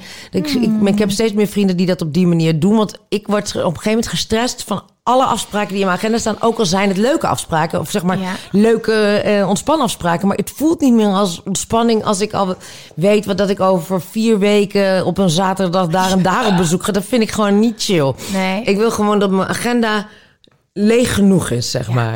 Ja, want ik weet ook, ik zag een keertje in jouw story dat jij bij Mandali was. Met Mm. Freek. Was een stilte of niet?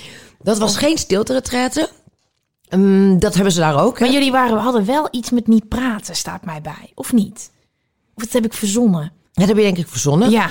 Maar eh, toevallig had ik het met Freek over. ehm, Wat want, deden eh, jullie daar? Nou, eh, eigenlijk, kijk, nou, het is geen geheim dat Freek en ik er een wilde levensstijl op nahielden. Ja. En toen, toen had hij me ten huwelijk gevraagd. Toen dacht ik, ja, wij hebben het superleuk. Maar ik wil ook wel, wel eigenlijk zeker weten dat wij ook als we gewoon eh, niet een wilde feestjes aan het vieren zijn, dat we elkaar dan ook leuk vinden. Dus toen zijn we een paar weken naar eh, Italië gegaan. Eh, Maar niet naar, alleen naar Mandali, maar ook naar een paar andere mooie plekken. Maar met een spa en gezond eten en, en groente, vruchtensapjes. En daarna naar Mandali, wat een hele mooie plek is inderdaad in Italië, in de bergen. Ben je daar ook wel eens geweest? Nee, zo hoog op een Het is verlanglijstje. prachtig en het is echt heel mooie... Je hebt niet alleen yoga en meditatie, en, maar ook hele bijzondere vrije bewegingslessen en, en, en, en mooie gesprekken. En je, echt om aan jezelf te werken. Ja. En, eh, en dat, nou eigenlijk vonden we elkaar daar bijna nog leuker dan, dan dansen het op een feest. Dus dat was heel goed. Dus toen konden we gaan trouwen. Fijn. Maar dat was de reden. En, en voor Freek ook. Kijk, ik, ik ben 14 jaar ouder. En ik heb al best wel meer ook van dit soort dingen gedaan. Want die vind ik wel echt heel waardevol. Om soms in je eentje. En dat moet ik ook wel, als, als Coco ietsje ouder is, wil ik dat er ook echt wel weer gaan invoeren. Eh, in je eentje elk jaar zeker twee weken weg. Als je dat kan. Ik snap dat het een hartstikke moeilijke regel is hoor voor sommige mensen. Maar doe dan de zo eens een week. Of als je dat al niet kan, zorg dat je af en toe een dag voor jezelf hebt. Gewoon met echt met niks. Geen telefoon, maar even helemaal met jezelf. Want eh, soms maken we zoveel lawaai dat we niet eens naar onszelf kunnen luisteren. Naar de stem in Ja. onszelf. Daarom is een stilte-retreat zeker ehm, een, eh, iets heel moois. Ik ben wel in Sri Lanka meerdere keren in yoga-retreats geweest. En dat, dat waren dan geen stilte-retreats, maar, retreats, maar ik ging niet... eh, want vaak wordt er dan gezamenlijk gegeten. Dat vind ik dan Ja. eigenlijk jammer dat dat zo is. Ja, precies, ja. Dat Want wil ik, vind het niet. heel lastig om groep met uit te stralen. Ik wil niet praten, maar ik zit dan ook heel erg of in mijn hoofd of in mijn gevoel. Ik wil niet. Want het wordt dan vaak toch chit-chat. Ook Iedereen daar. wil daar dan, hey, where are you from? Ja, where are you from? What are you doing? Ja. Bla, bla, bla. Nou ja, Ja, ik kom hier voor mijn rust. Ja, Ja. ik kom hier voor mijn rust inderdaad. Ik dacht, ik ga wel een t-shirt laten drukken met... Ja, ik kom uit Nederland en ik eh, doe dit. En dan hoef je het allemaal niet meer te vragen. Ja. Maar ik heb echt wel eens ook eh, dan in mijn hutje gezeten. En dan had ik hartstikke honger. Maar dan dacht ik, ja, ik, ik ga gewoon niet eten. Want ik wil gewoon geen mensen zien. Ja. Maar dus ik heb dat soort, eh, dat soort dingen geregeld gedaan. En daar, heb ik, daar ben ik wel heel veel wijzer over mezelf geworden. En Freek is natuurlijk, en wat jonger heeft dat soort dingen nog niet echt gedaan. Dus we zaten toevallig te kijken bij Mandali of naar een stilte Wat zeker voor Freek een mooie uitdaging zou zijn. Want Dan heb ik ik gewoon het babbel in de veel, toekomst maar hij gekeken. babbelt nog meer. Jij hebt in de toekomst gekeken, Wow, ik dacht- gewoon zeker dat ik iets zag Nou. in jouw stories. Met dat jullie iets om hadden en dat jullie niet Oh. konden praten. Ja. Ja, wacht. Oh ja. Hey, nou, het is dus niet helemaal. Je kan daar, dat vond ik heel mooi, een bordje zelf opdoen. Want het was niet een stilte Ja. maar ik, I'm in silence of zoiets dergelijks. Dus ik praat niet, dus praat niet tegen mij. Wat chill. Dat is echt, want, want ik heb dan toch, dan ben ik in zo'n yoga-retreat voor mezelf. En dan wil ik niet praten, maar dan ga je toch naar iedereen. Ja. Ja, ja, ja. Even zo vriendelijk knikken. Naar die vriendelijk knikken. Naar die. Ben je godverdorie toch nog de hele tijd bezig met anderen. Ja. En anderen pleasen. En dat je maar niet heel eh, niet leuk overkomt. Of uh, Ja. bot overkomt. Dus dan ben je. Nou, dat is. En dan heb je gewoon zo'n zo'n zo'n zo'n ding op je een bordje op je. Ge, gepint met eh, ik, I'm in silence of zoiets dergelijks stond er dan op. Nee, dat klopt inderdaad. Ja. En dat is super fijn. Maar jij, jij, ik kan me van jou herinneren dat jij ook een post bent weg geweest. Want ik Ja. volg jou op Instagram. Yes. en dan laat ik alles, maar dan ben ik ook gewoon weg. En dat mis Ja. ik dit jaar. Maar ik heb dat wel een beetje in Nederland gevonden. En nu toevallig, morgen heb ik tien dagen vrij voor mezelf ingepland. Heel mijn agenda leeggeschoven. Echt alles. Dus, dus zeg maar, er worden geen mails gelezen. Ik ben bereikbaar als er echt iets besloten Ja. moet worden. Omdat ik eigenlijk gewoon altijd een nok naar het buitenland. Maakt niet uit. Rond deze heel tijd fijn. ook, Eigenlijk maakt niet uit. Nee, ik ben er wel echt best wel verwend. Ik ben echt vorig jaar denk ik drie keer alleen weg geweest. En Oh, echt ja. twee, drie weken. Ehm, En waarom is dat voor jou belangrijk? ik kan mezelf ook gewoon niet horen anders. En ik merk gewoon dat als al die dingen weggaan na een paar dagen, dat ik in één keer denk. Oh, zo denk ik daarover. Of, Ja. oh, ik, maar ik wil eigenlijk dit doen. Of, oh, ik heb ook, dit is iets wat ik wel eens als voorbeeld geef, dat ik gewoon in één keer een besefmoment kreeg van, ik kom altijd laat, omdat ik te laat opsta en te weinig tijd neem. Dus ik moet gewoon kijken naar hoeveel tijd heb ik eigenlijk. Wow, dat is slim. Allemaal van die bullshit, maar ook gewoon grote dingen, dat je denkt, oh, maar wat ik nu aan het doen ben, eigenlijk moet dat die kant op gaan. Dan heb ik ook echt met niemand contact. Dus mijn ouders weten dat waar ik dan slaap. En Toby weet het ook. En dan bellen we af en toe snel. Maar eigenlijk wil ik met niemand. En dan ga ik ook ergens lessen volgen. En niet zeg maar in groepsverband. Ik doe het allemaal los. Zodat ik niet met mensen hoef. Ik heb echt het liefst dat ik drie weken tegen niemand praat. Of zo. Ja. Dat is gewoon helemaal... Vind ik ook helemaal niet moeilijk dan. Volgens mij, wij kunnen allebei behoorlijk eh, klepperen. Ja. Maar ik vind het heerlijk om stil te zijn. Ja. En Echt niet moeilijk, hoor. Heb je dan ook dat je na een tijdje, weet je, als je daar even bent, als dan die stress weg is, dat je dan in één keer zo goed dat je jezelf een vraag stelt en dat je dan in één keer gewoon antwoord krijgt. Nou, letterlijk. Ik, ik heb dan ook ehm, de laatste keer dat ik eh, op zo'n plek was, heb ik eerst in een boekje allemaal vragen ge- ge- opgeschreven, gewoon die ik had. En dan zo de eerste drie, vier, vijf dagen dat je denkt, ik, ik, ik hoor helemaal geen antwoorden. ja. Er komt helemaal niks. Ja. En in één keer werd ik wakker. En alsof het licht was aangegaan. In mijn hoofd ook. En ik ben gaan schrijven. En het een na het andere inzicht. En dat waren hele grote vragen eh, die ik mezelf had gesteld. En ja, je moet... De antwoorden zitten namelijk... Het is zo'n cliché, maar de antwoorden zitten in jezelf. Je hoeft nergens anders te zoeken. Ja. Je moet alleen stil zijn. Ja, 100% Ja. Ik zat echt dan ook, als ik dan drie weken op Bali was geweest, ik zat in het vliegtuig naar huis. Ik wist alles. Ik wist ook gewoon. Het enige wat ik hoef te doen is gewoon mijn ademhaling. Mijn ademhaling is alles. Dus ik moet gewoon terugkomen naar mijn ademhaling. Dan komt alles goed. En dan hoe ik me daar voelde, ik kan me dat wel herinneren. En dat kan ik af en toe aantikken. Maar ik kan dat dus nog niet zo goed hier. Dus dat is nu Ook mijn niet doel. als je nu bijvoorbeeld een wandeling gaat maken. Jawel, alleen dat is dan echt nul prikkels van anderen en mooie natuur en Ja, helemaal. het is natuurlijk wel ideaal. Ja, dus ik, maar dat heb ik, het is mijn doel. Van ik, dat zei ik ook gisteren tegen, tegen Toby, mijn vriend. Van ja, ik wil gewoon dit heel graag hier ook hebben. En niet iedere keer per se heel krampachtig naar een andere tijdzone moeten vliegen. Hiervoor. En het is natuurlijk, als we voor, voor de luisteraars, niet iedereen kan zich permitteren. Plus, Nee. we moeten misschien ook hè, wat minder Minder vliegen. vlie- precies Nou, niet dat. misschien, maar we moeten wat minder Ja, vliegen. ja. En je kan het natuurlijk zeker hier ook voor elkaar krijgen. We, we- Ja. Ook al woon je in de stad, er is altijd wel een bos Ja. in de buurt. Ja, Eh, maar echt nul eh, prikkels. En het is dus nu echt wel dat ik dan dat steeds wilde. En dan even, en dan is toch. En nu heb ik echt gezegd, ik ben er niet tien dagen. Dus goed. doe alsof ik niet besta. Maar ik, ben, maar ik vind het heel leuk, want ik heb ook jouw boek eh, gelezen. En heb je het ook over Costa Katja Rica. was hier het reisboek. Ja. En Sri Lanka.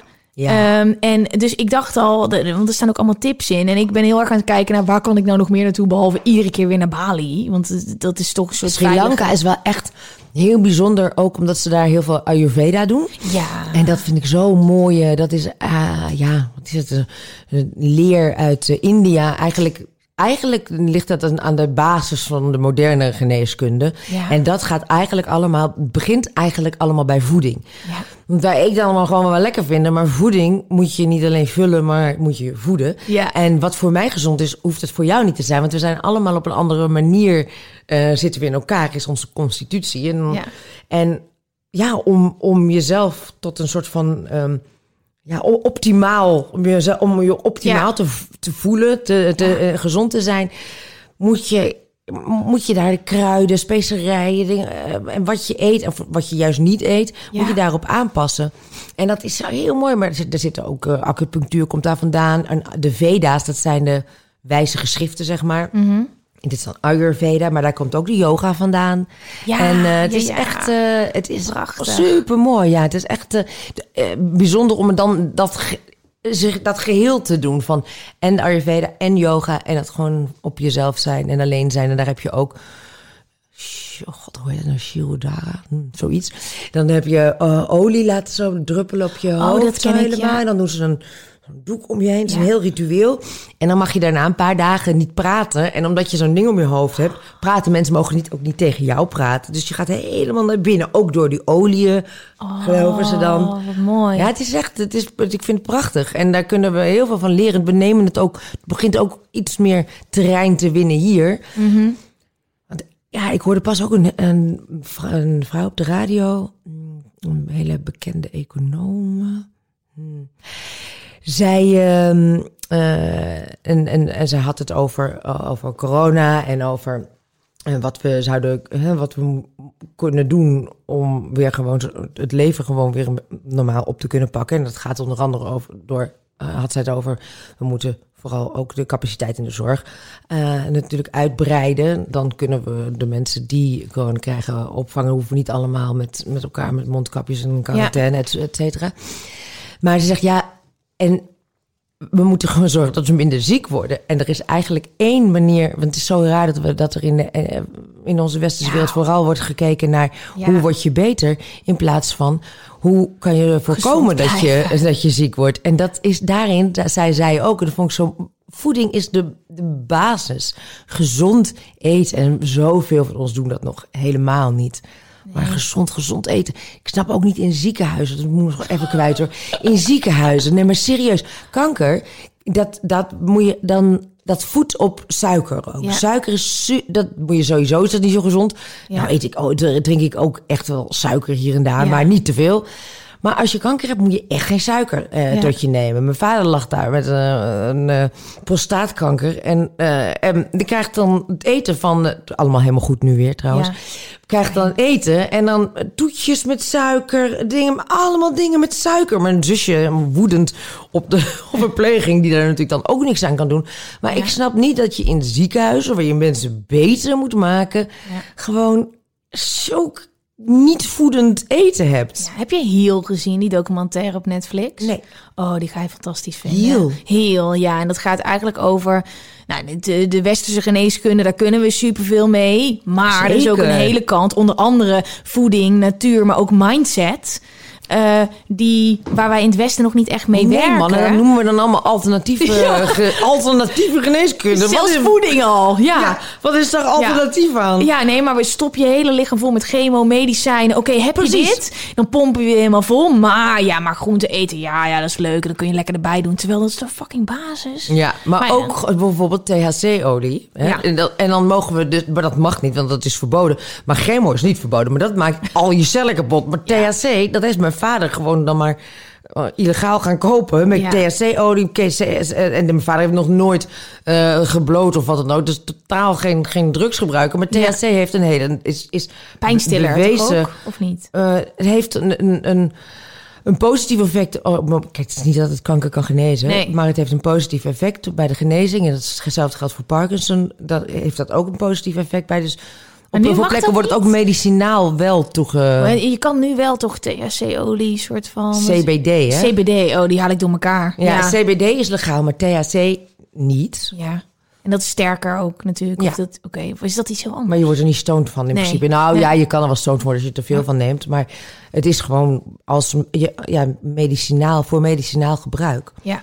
Maar goed, ik bedoel, maar ik geef het ja, even ja, om, ik zeg het om aan te Er geven dat het dan, zo raar is dat wat dat het ene en dat er wordt het- dan heb je zo'n vereniging van kwakzalverij. Ja, ja, ja. Maar eh, de, volgens mij was het in het begin de vraag een beetje van hoe hou je alle ballen hoog? Oh ja. En eh, hoe ben je een beetje lief voor jezelf? Ik heb ook gehoord, voordat we doorgaan naar de volgende vraag, want ik heb er nog best wel wat.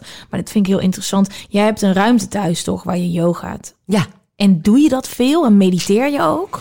Nou, mediteren ben ik niet goed in. Eh, nou ja, voor zover je goed kan zijn in mediteren. Ja. Maar ik kan niet stilzitten en mediteren. Dat gaat eigenlijk eh, dat gaat niet.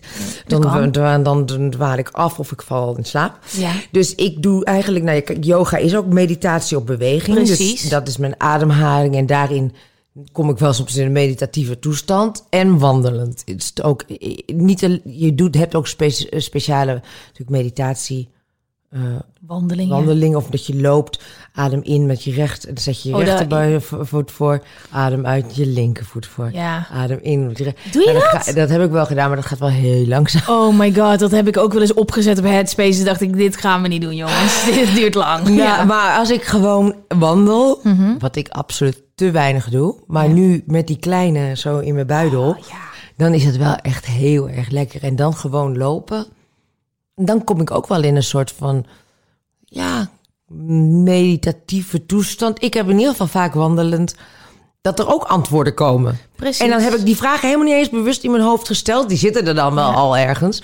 En dan ineens denk ik, oh, zo moet... Ja, dus dat is de, wat dat betreft, we hoeven niet naar Bali. Je kan ook gewoon een Maar stuk ja. gaan lopen.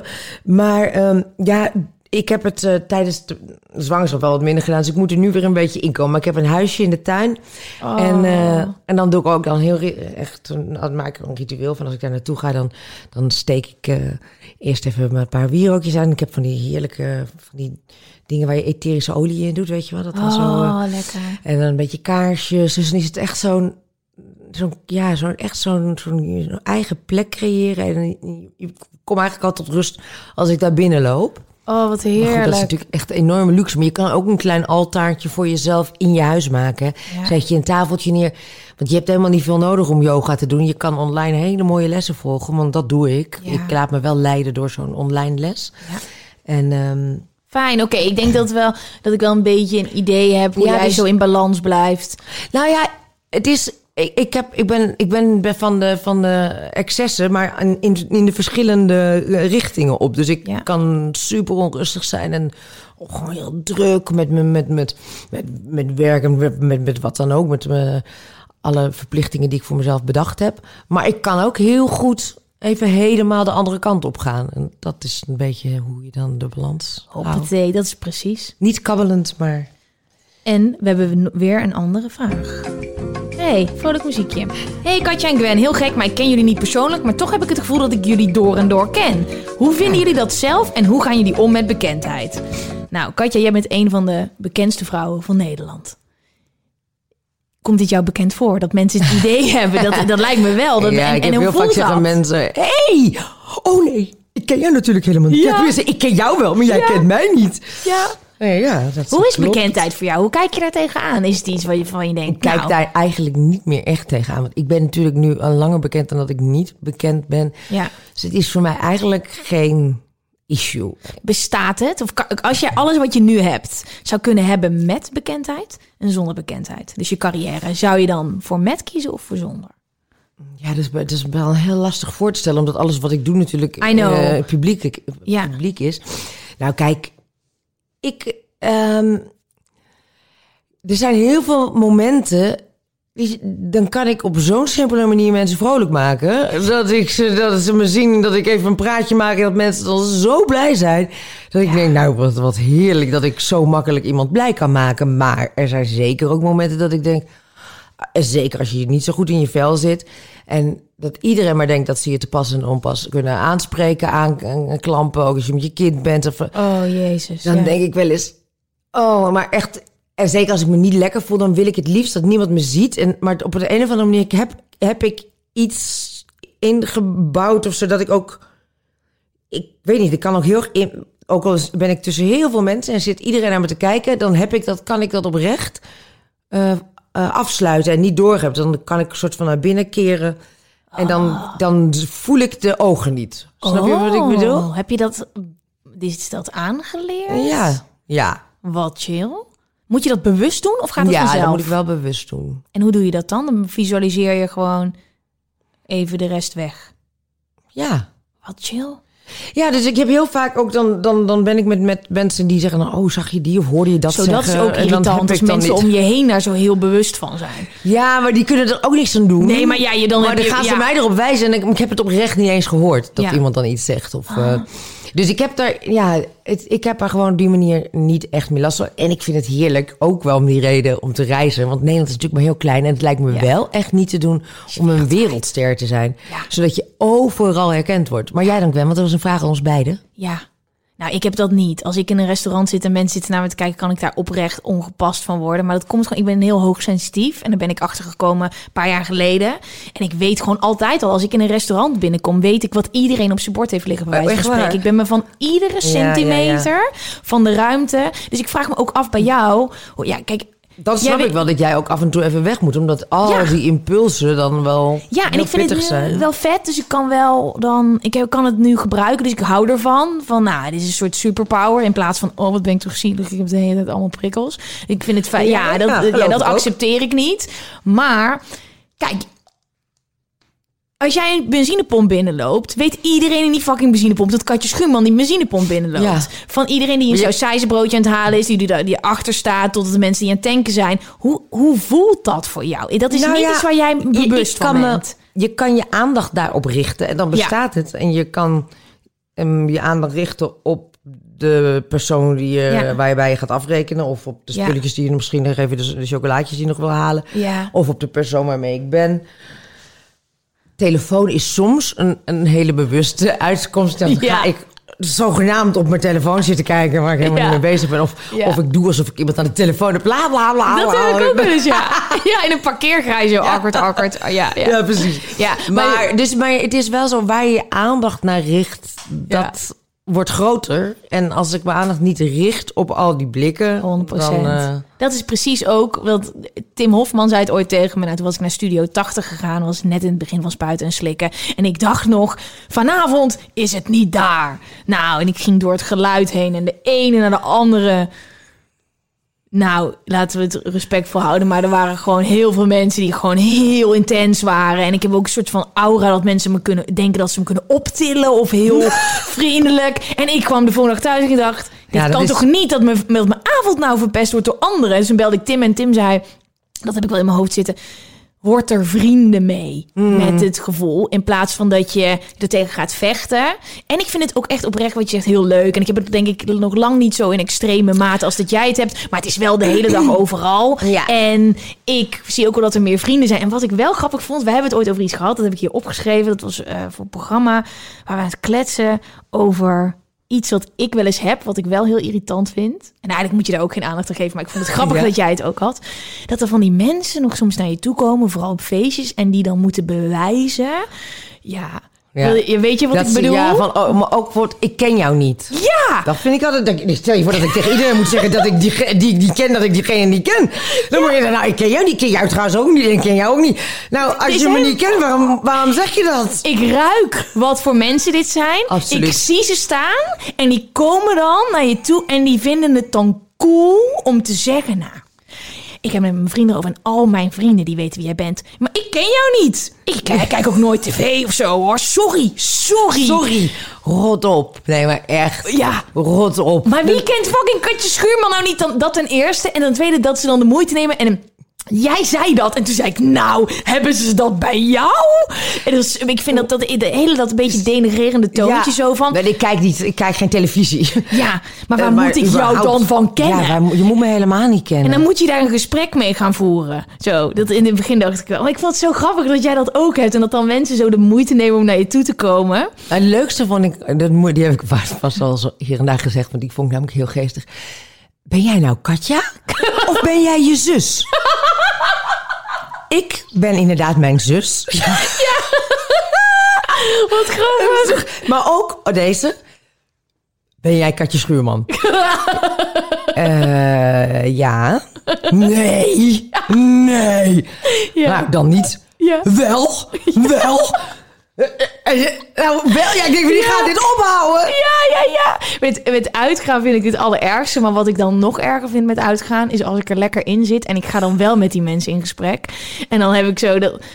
Nou, dat ik dan gewoon de hele avond... alleen maar met allemaal vreemde mensen aan het ouwe hoeren ben... terwijl ik eigenlijk dat niet wil. precies. Dus dat ik de volgende dag wakker word en denk... Soms heb je dat even niet door, dat je dat niet Nee, wil. maar ja, dus dan een hele nacht heb ik dat dan niet door. En dan, ik heb ook wel eens, toen ik net in het begin uitging... dat ik dan allemaal mensen had leren kennen... dat ik aan iedereen mijn nummer had gegeven. Oh, Dat ik ga met jullie afspreken. Dat heb ik ook wel eens, dat ik thuis, of thuis kwam met heel veel kaartjes over van, van mensen. En dat je denkt, hè?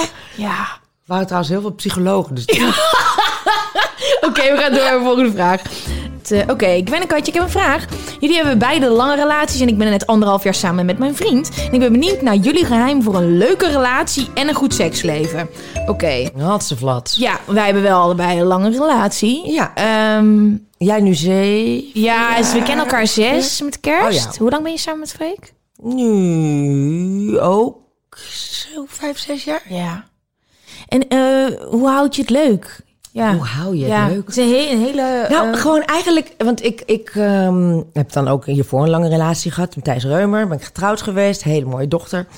En, ehm, eh, maar ik heb ook heel veel korte relaties die allemaal niet werkten enzovoort. En dan heb ik een, een vriendin, Daphne Bunskoek, die heeft al heel lang een relatie met Wessel van Diepe. En die zijn hartstikke leuk samen. Echt zo, dat ik ook wel eens aan haar vraag, wat is nou het geheim? Wat, wat- ik wil dat ook, hoe doe je dat? Ja. En toen zei ze, ja, het is eigenlijk gewoon heel simpel. Gewoon eh, elkaar, eh, ga- eh, elkaar willen verrassen. En dingen voor elkaar doen waarvan je weet dat de ander het leuk vindt. Het is eigenlijk super simpel. Om, maar met, om de ander... Om we- te weten wat de ander bezighoudt, wat hij leuk vindt... en diegene gewoon te verrassen. En, en blij, te, blij te willen maken. Het is eigenlijk heel simpel. Want zo vaak in relaties hoor je mensen zeiken over elkaar... en eh, het leven zuur maken en, en, en jaloers zijn. De dingen die je, je mag dit niet meer doen van mijn, van mijn vriendin... of dat niet meer van mijn vriend. Ja. Dat je denkt, ja, maar waar slaat het nou op? Je bent toch met elkaar om, elkaar het, om het leven leuker te maken voor elkaar. En, eh, en ik denk eigenlijk, ja, het is eigenlijk, dat is, ik vind het heel leuk om dingen te doen. Eh, of een cadeautje, of geen cadeaus of zo te zijn, maar gewoon kleine rijtjes. Of, Zoals? Ja, eh, of, of briefjes achterlaten. Als ik, als ik weet dat ik later thuis ben, dan doe ik leuk. Of als hij een paar dagen weg gaat, leg ik briefjes in zijn tas. Of hij bij mij. Of, of ehm, uitjes. Ik, vor- vorige keer was hij, eh, hij was jarig, een maand geleden. En toen konden we natuurlijk niet echt ergens naartoe. En toen heb ik wel gezegd, je moet vanaf vijf uur beschikbaar zijn. En toen heb ik een kamer geboekt. En toen hadden we nog die kleine. Het was dus één, toen hebben we er naar een vriendin gebracht. Oh, spannend. En eh, toen, eh, toen had ik gezegd, nou, ik kom me wel gewoon om vier uur halen, want ik zag het nog niet helemaal voor me dat ik, eh, dat ik een hele nacht niet met, eh, met koken zou zijn. En toen was ik om zes uur 's ochtends wakker in het, in het- want ik was zo moe. Toen was ik in slaap gevallen om twee uur. Ik had hele wilde plannen voor die avond. Oh, dat, Dus dat was wel heel jammer. Maar goed, het was wel heel leuk bedacht allemaal. Ik had een, Ja. een, een diner voor twee op de hotelkamer. en eh, gewoon, nou ja, dat is niet gewoon, maar leuke dingen voor elkaar doen. En, en, ehm, en genoeg tijd maken om met z'n tweeën dingen Ja. te doen. Zeker ook als je een kindje hebt. Ja, dat hebt. Dat je zorgt dat je ook met z'n tweeën leuke dingen doet. En blijft doen. Ja, want dat vind ik zo moeilijk in die hele deze tijd. Dat het samen iets doen al toch snel een film kijken met een kaasplank wordt. Nou, kijk, daar komen leuke ehm, takeaways om de hoek kijken. Ja. Zoals die van Freek. zeg het. Met Freek. Echt Ja. eten. Dat hebben eh, wij lekker gedaan. Wij ja. hebben lekker samen gegeten. Met het zo of zoiets lekker. dergelijks. En dan, en dan inderdaad, dan bestel je lekker, lekkere dingen. Doe een kaarsje aan, dek de tafel mooi. En ga gewoon lekker uit eten in je eigen huis. Dat soort dingen. Maar ik, het is absoluut een feit. Ik, ik kan niet wachten tot ik weer eens gezellig naar een restaurant kan gaan. Ja, 100 procent. 100 Dat mis ik het meest. Ik vond, kijk, nu had ik dit jaar sowieso niet naar een festival gegaan. Maar ik hoop wel volgend jaar weer, want, want ik was zwanger. Ja. Maar volgend jaar weer naar een festival te gaan, dat vind ik echt heel jammer. Vond ik echt een gemis. Maar ik- met name het uit eten gaan mis ik. En jij? Ja. Hmm, het uit eten gaan en gewoon de vrijheid en de spontaniteit. Koffietje, ergens Ja. zitten, buiten de deur werken. Ja, ja, ja. Ik heb nu een vriend die de hele tijd binnen aan het werken is. Wat doet hij? Hij eh, werkt voor een groot bedrijf. Oké, laat ik het daarop Ja, houden. en wat doet hij bij dat grote bedrijf? Ehm, dan ga ik het al meteen verraden. Maar hij, dat vertel ik zo Oh. Meteen wel. Maar hij eh, eh, werkt nu vanuit huis in plaats van dat hij weg is. En dat was altijd mijn spot.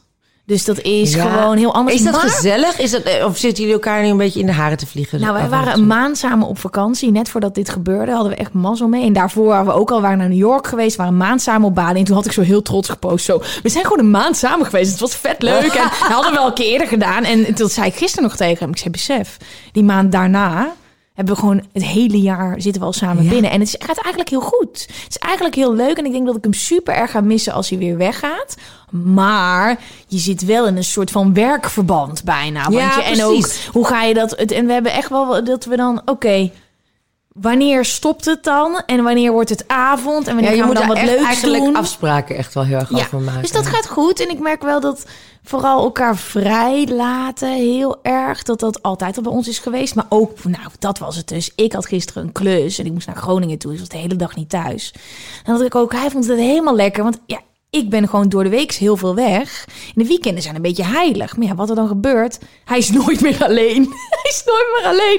Dus hij ging gisteren weg en toen dacht ik, oh, hij was zo blij. dacht ik, oh, wat lekker voor ik hem. De hele dag ook met rust gelaten. En hij heeft helemaal zijn eigen ding kunnen doen en lekker. In het huis dacht ik, oh ja, echt je eigen ding ook nog Ja. steeds. Ook als je samen bent. Nou, maar ja, hij laat jou ook keer. Nou, hij laat je. Ik bedoel, Ja. jij gaat ook gewoon soms een paar weken weg. Doet Ja. hij dat zelf ook? Dat wil ik wel heel graag. Dat vindt hij heel leuk. Maar het is er nog niet van gekomen. Maar ik gun het hem van harte. Ja, ja, ja. Maar ik heb natuurlijk, eh, ik ben mijn eigen baas. Dus Ja, dat is ook anders natuurlijk. Ja. Ja. Maar ja, oké, ik hoop dat dit een beetje. En hoe hou je het spannend in eh, k- coronatijden? Ehm, ja, nou in coronatijden, dat doet niet zo de zaak in babytijden. Dat, dat daarentegen, Ja, dat leidt toch Ja. wel meer af dan, je, dan we vooraf ons hadden voorgenomen. Ja. Maar het is gewoon, ja, als je nu gewoon kan slapen, dan, dan maken we nog wel even aanstalten. Maar dan zitten we elkaar ook aan te kijken. Van, ja, maar eigenlijk ga ik echt liever slapen. ja nu. dat- dat snap Maar ja, het is toch, het is toch ook gewoon een kwestie van doen. Hè? Dus je moet het gewoon soms dan even, dan is het niet op het, het, het avondtijdstip. Ligt de baby te slapen? Ja. Nou, had ze flats. Ehm, Maar dat is het toch ook vaak wel dat je verwacht dan dat je zo op de bank zit en dan in één keer denkt: fuck, ik heb zoveel zin in seks. Nee. Let's go. En dan wauw. En dan nee, het is gewoon Nee. niet altijd een soort van roze, geile wolk die de kamer binnenkomt. En maar het als is je eenmaal begint te zoenen en een beetje Ja. zo, dan, dan ineens denk ik, oh, Ja, gaat wist- aan. ik was eigenlijk vergeten dat ik hier zin in had. Of ik had er niet gedacht dat ik hier zin in had. Maar hey, ik heb er toch best wel zin in. Precies dit. Maar dan is het wel dat je een soort van drempel hebt. Dat je jezelf eventjes denkt, oh ja. En wat ik dus heel erg moeilijk vind is... Nou ja, nu heb ik... Kijk, ik heb een jasje aan. Dit is een body die gewoon chill is. Maar ik heb ook een trainingsbroek aan. En ik heb gewoon vijf trainingspakken in andere kleuren bij de H&M besteld. Ja. En dat betekent al aankleden. En dat ik, ja, ik denk dat ik dat lekker vind. Maar eigenlijk voel ik mezelf de hele tijd een soort hobbezak. En ik heb ook een pony eigenlijk. Nou, die zit nu achter, maar dat zie ik eruit. Een soort van Chewbacca met zo'n pony die zo omhoog staat. Dan denk ik, oh ja, ik zou wel meer energie moeten stoppen in mezelf een beetje... Ja, oké, maar ik heb ook dus allemaal thuispakken besteld. ik denk dat die heel hard zijn gegaan gewoon afgelopen... Ja, ik had namelijk niet zo heel veel. Maar ik vind eh, van dat soort lekkere zittende kleding voor thuis... Ja, gewoon, ik doe wel eigenlijk als ik thuis ben meteen mijn schoenen uit. Ja. En eh, eigenlijk bij voorkeur een klein broekje, Mhm. eh, sokken en een loszittend shirt. Ja. En nu heb ik dan wat, wat, meer joggingachtige pakken. Maar dan wel net met een twist dat het net iets aangekleden, maar wel Nou, dat adresje wil ik dan van je hebben, want bij mij is het. Ga ik, zal ik doen. Maar het is ook nog steeds hobberig hoor. Ja. Hobbezakkerig. Maar dat moet het ook kunnen zijn. Maar dan doe je, doe je toch s'avonds gewoon een leuke body er. I know, maar ik ben wel ook echt extreem lui. Dat is ook wel. Maar ehm, oké, ja, ja, ik, Dus, ik, ja, dus ik dat, hoe hou een je het spannend? Nou, gewoon, ja, eh, zorgen dat je, dat is, daar komt het weer. Gewoon zorgen dat je met elkaar tijd hebt. Dat je gewoon Samen bent. Ja, samen bent. Ja, voor mij is dat, was dat dan dus altijd wel uit eten gaan. Gewoon één keer in de week uit eten, maar dan zit je tegenover. Nou, of dus te- te- met een kaartje thuis en lekker eten gehaald. Of je gaat lekker koken, kan ook. Maar dat je dan de tijd neemt om even tegenover elkaar te zitten, zonder telefoon. Ja. En met elkaar te praten. En, Ja. en vaak ben je dan ook zo samen, dan, dan komt dat vrije ook nog wel. Oké, oké, we moeten. Wow, dit wordt denk ik de langste podcast ooit. Want, ik, want we hebben natuurlijk al een stuk hiervoor opgenomen, dat was ik vergeten. Ik wil nog vet veel vragen, eigenlijk, maar dat ga ik ook doen. Maar ik wil ook eerst even weten hoe is het in godsnaam om een vent te hebben die zo kan koken. Ja, fantastisch. Ik was het aan het eten en ik dacht, ik zei tegen Toby, en Toby kan hartstikke lekker koken hoor, daar niet van, maar wow, als je dit altijd kan eten, hoe dan? Ja, en het is, dit is ook echt ontstaan wel door corona. Deze manier van koken nu. Ja. Want, ehm, nou ja, hij heeft meerdere restaurants in Amsterdam. En dat is toch iets meer fine dining. En Ja. thuis ging hij gewoon... eh, hij houdt dan, we hebben, we hebben een prachtige keuken, we hebben een barbecue. Maar het liefst ging hij dan gewoon op een fikkie, gewoon een fikkie maken in zo'n grote vuurschaal. Ja. En dan bouwde hij zelf een soort van constructie waar hij dan lekker het, visjes en, en groenten en alles. Dus echt heel ruig, lekker buiten. En, en, en, en inderdaad, eh, ja, we veel groenten en dingen, maar heel, heel eh, erg, ja, wat meer puur en, Ja. en, en rauw. En niet zo heel verfijnd, maar wel, ja, wel qua smaak. Maar, maar in die manier van koken vond hij zo ja. leuk weer om dat te doen. Dat hij zei van ja, maar daar wil ik ook eigenlijk, dat wil ik vertalen in een concept wat de mensen Ja. dat ook thuis kunnen eten. Jij mag dat allemaal de hele Maar- tijd eten. En ik hou zo van lekker eten, maar ik, ik ben echt geen kok. Ik, ja, als ik wil, zou ik vast ja, kunnen koken, maar ik maar je moet het ook je- leuk. Nee, precies. Maar dat is en dat ik heb En vind ook echt- zoveel ja. tijd in zitten. Ja, en je moet wel echt. Nou ja, het is ook gewoon niet zo lekker als dat ik het bestel. Dus dan is Nee. dat, ja, dus dan denk ik al van, hmm, Maar maar als niet is, dan neem ik zo'n zo'n kant-en-klaar soepje van dat merk. Ja. Als je van wat je om vijf uur neemt. En dan neem ik en een tosti. Dat is Oh, het. echt En verder kom ik gewoon niet. Oh, wat grappig. Daar heb ik ook echt geen zin in. Ja, dat snap Maar ik. je moet dan dus naar de winkel. Nou, dat, hè, dat vind ik al punt één. Moet je boodschappen doen. Moet je het gaan snijden en wassen. snijden en wassen. En dan heb ik dan ook altijd in een volgorde die niet klopt. En dan je pure stress. En dan kut moet het die kruiden erbij. Maar straat, oh, dat had ik nog niet gesneden. Nou, dus ik altijd paniek. Eten aan het plafond. dan vervolgens heb je het eten niet specifiek lekker. Is in vijf minuten op. En dan is alles ontploft. Dan moet je dat gaan opruimen. Precies nou, ik heb wel wat beters te doen. Oh mijn god, dit is exact wat ik altijd zeg. Ik wil alleen al bestellen zodat ik de keuken niet ervoor op te ruimen. Precies. Ja, oh mijn god, dit is fijn. Ik ben niet alleen, ik voel je hier namelijk heel eenzaam in altijd. Oh ja, nee hoor, je bent niet alleen. Volgende vraag. Samen, we zijn samen, alleen. samen, ja, met z'n allen. Juist. Oké, laatste vraag. Ik heb een vraag. Ik zit nogal met wat opgekropte emoties en woede en ik weet niet hoe ik dat los moet laten. Ik heb veel meegemaakt in mijn leven en ik kan zo snel boos worden. Dan schiet ik massaal uit mijn slof. Hebben jullie tips om mijn boosheid los te laten? Ben je wel eens boos en hoe ziet dat eruit? En la, hoe laat je het los? Nou, ik ben zeker wel eens boos. En hoe, hoe dat eruit ziet, wil ik liever niet laten zien. Maar dat is vrij intens. Ja. Ehm, ja, ik denk toch dat je... Het moet er wel uit. Je kan het, je moet het niet... Je kan het niet zo'n beetje... Ja, nou, ik vind wel dat yoga ook hierin echt kan helpen. Ja, vooraf al. Dat je dan een Gewoon rustiger ja. bent. Maar de- ook, want precies wat jij zegt, dat ademhaling zo essentieel is. Dat is het natuurlijk ook voor eigenlijk alles in het leven. Maar ook als je heel boos bent, dan je merkt toch ook, dan gaat je ademhaling...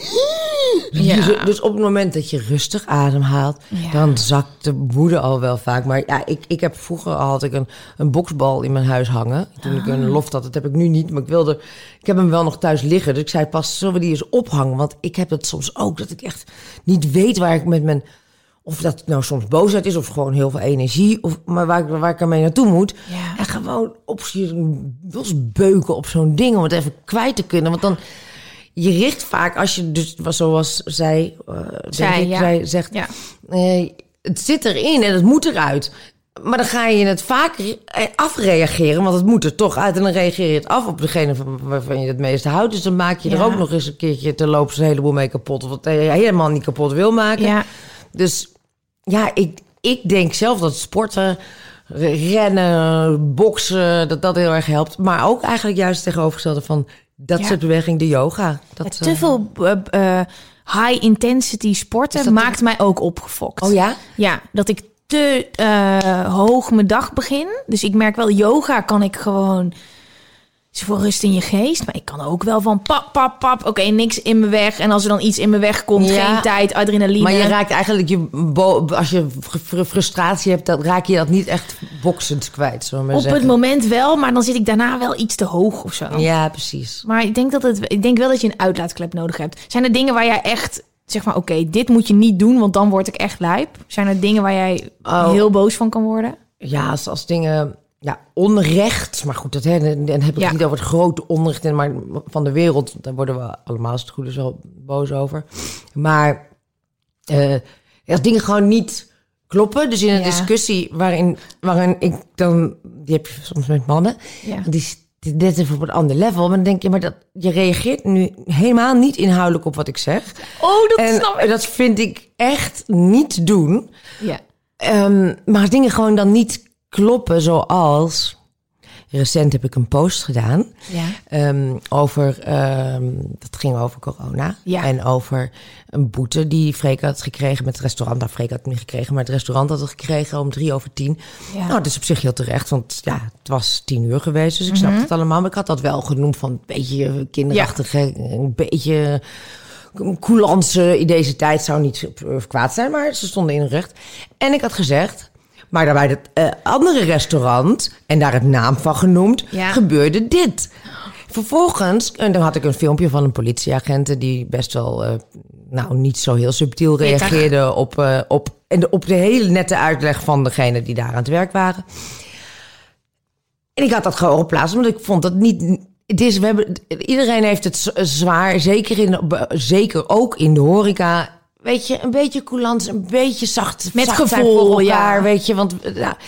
En dat had ik geplaatst. En vervolgens kwam dan een politiewoordvoerder. Die ging dus zeggen in Boulevard, hè, want daar praten politiewoordvoerders, dat ik mijn volgers had voorgelogen door te suggereren dat dit één incident was. Maar dat had ik absoluut nergens gesuggereerd. Dus als hij het had gelezen, gewoon les 1 begrijpend lezen gewoon. Ja. Maar dat een politiewoordvoerder dan op die manier Ja. niet. Dat klopt gewoon niet. Maar ik weet inmiddels dat er staan er al vaker komen er dingen in de media die niet kloppen. En daar kan je wel heel boos om worden.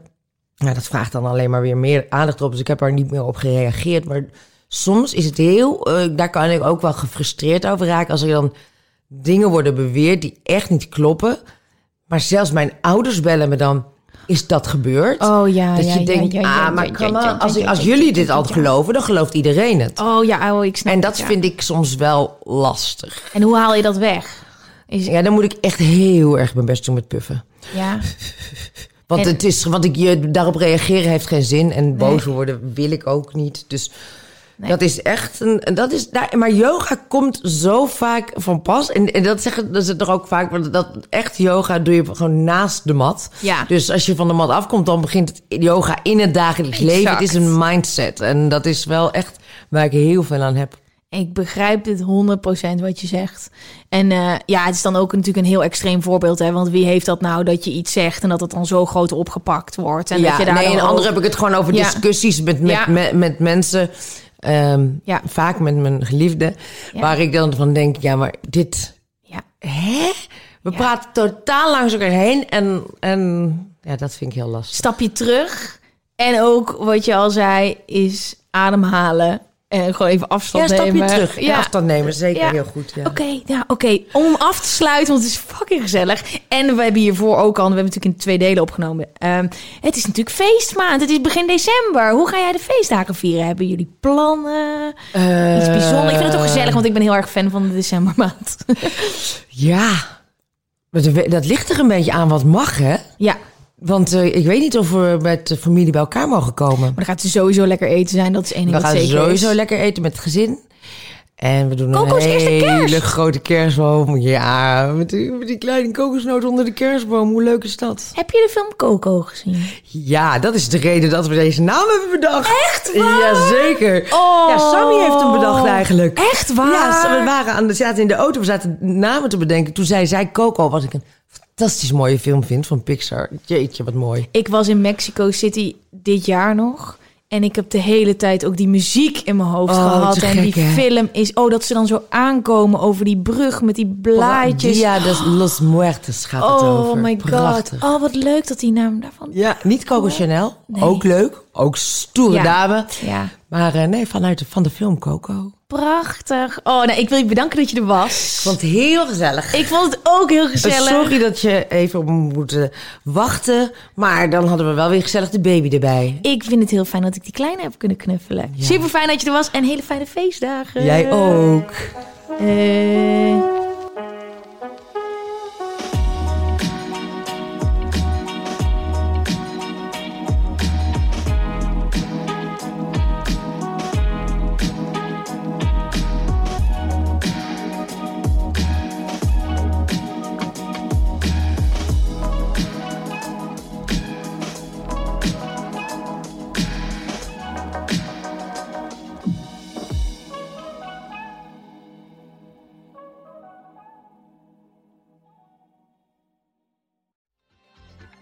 Weet je waar ik zo'n tyfushekel aan heb? Toeristen, als het te druk is in de stad, zelf koken. Ja, alles wat je nu zojuist benoemt. En daarom maken jij, denk Daan Hogevorst, En Robert Rodenburg. een podcast waarin we alleen maar klagen. Want klagen is HET medicijn tegen het collectieve leed wat maandag heet. Dus elke maandagochtend een nieuwe te horen op het je favoriete podcast-app. Maandag Klaagdag! Jezus, zingen moeten wij nooit doen. Dit is vervelend. We hebben nog 30 seconden advertentieruimte beschikbaar, maar jouw merk zit er niet in. Wil jij deze ruimte beter benutten en staan waar voorheen HelloFresh of Samsung stonden? Mail dan naar adverteren@tonymedia.nl.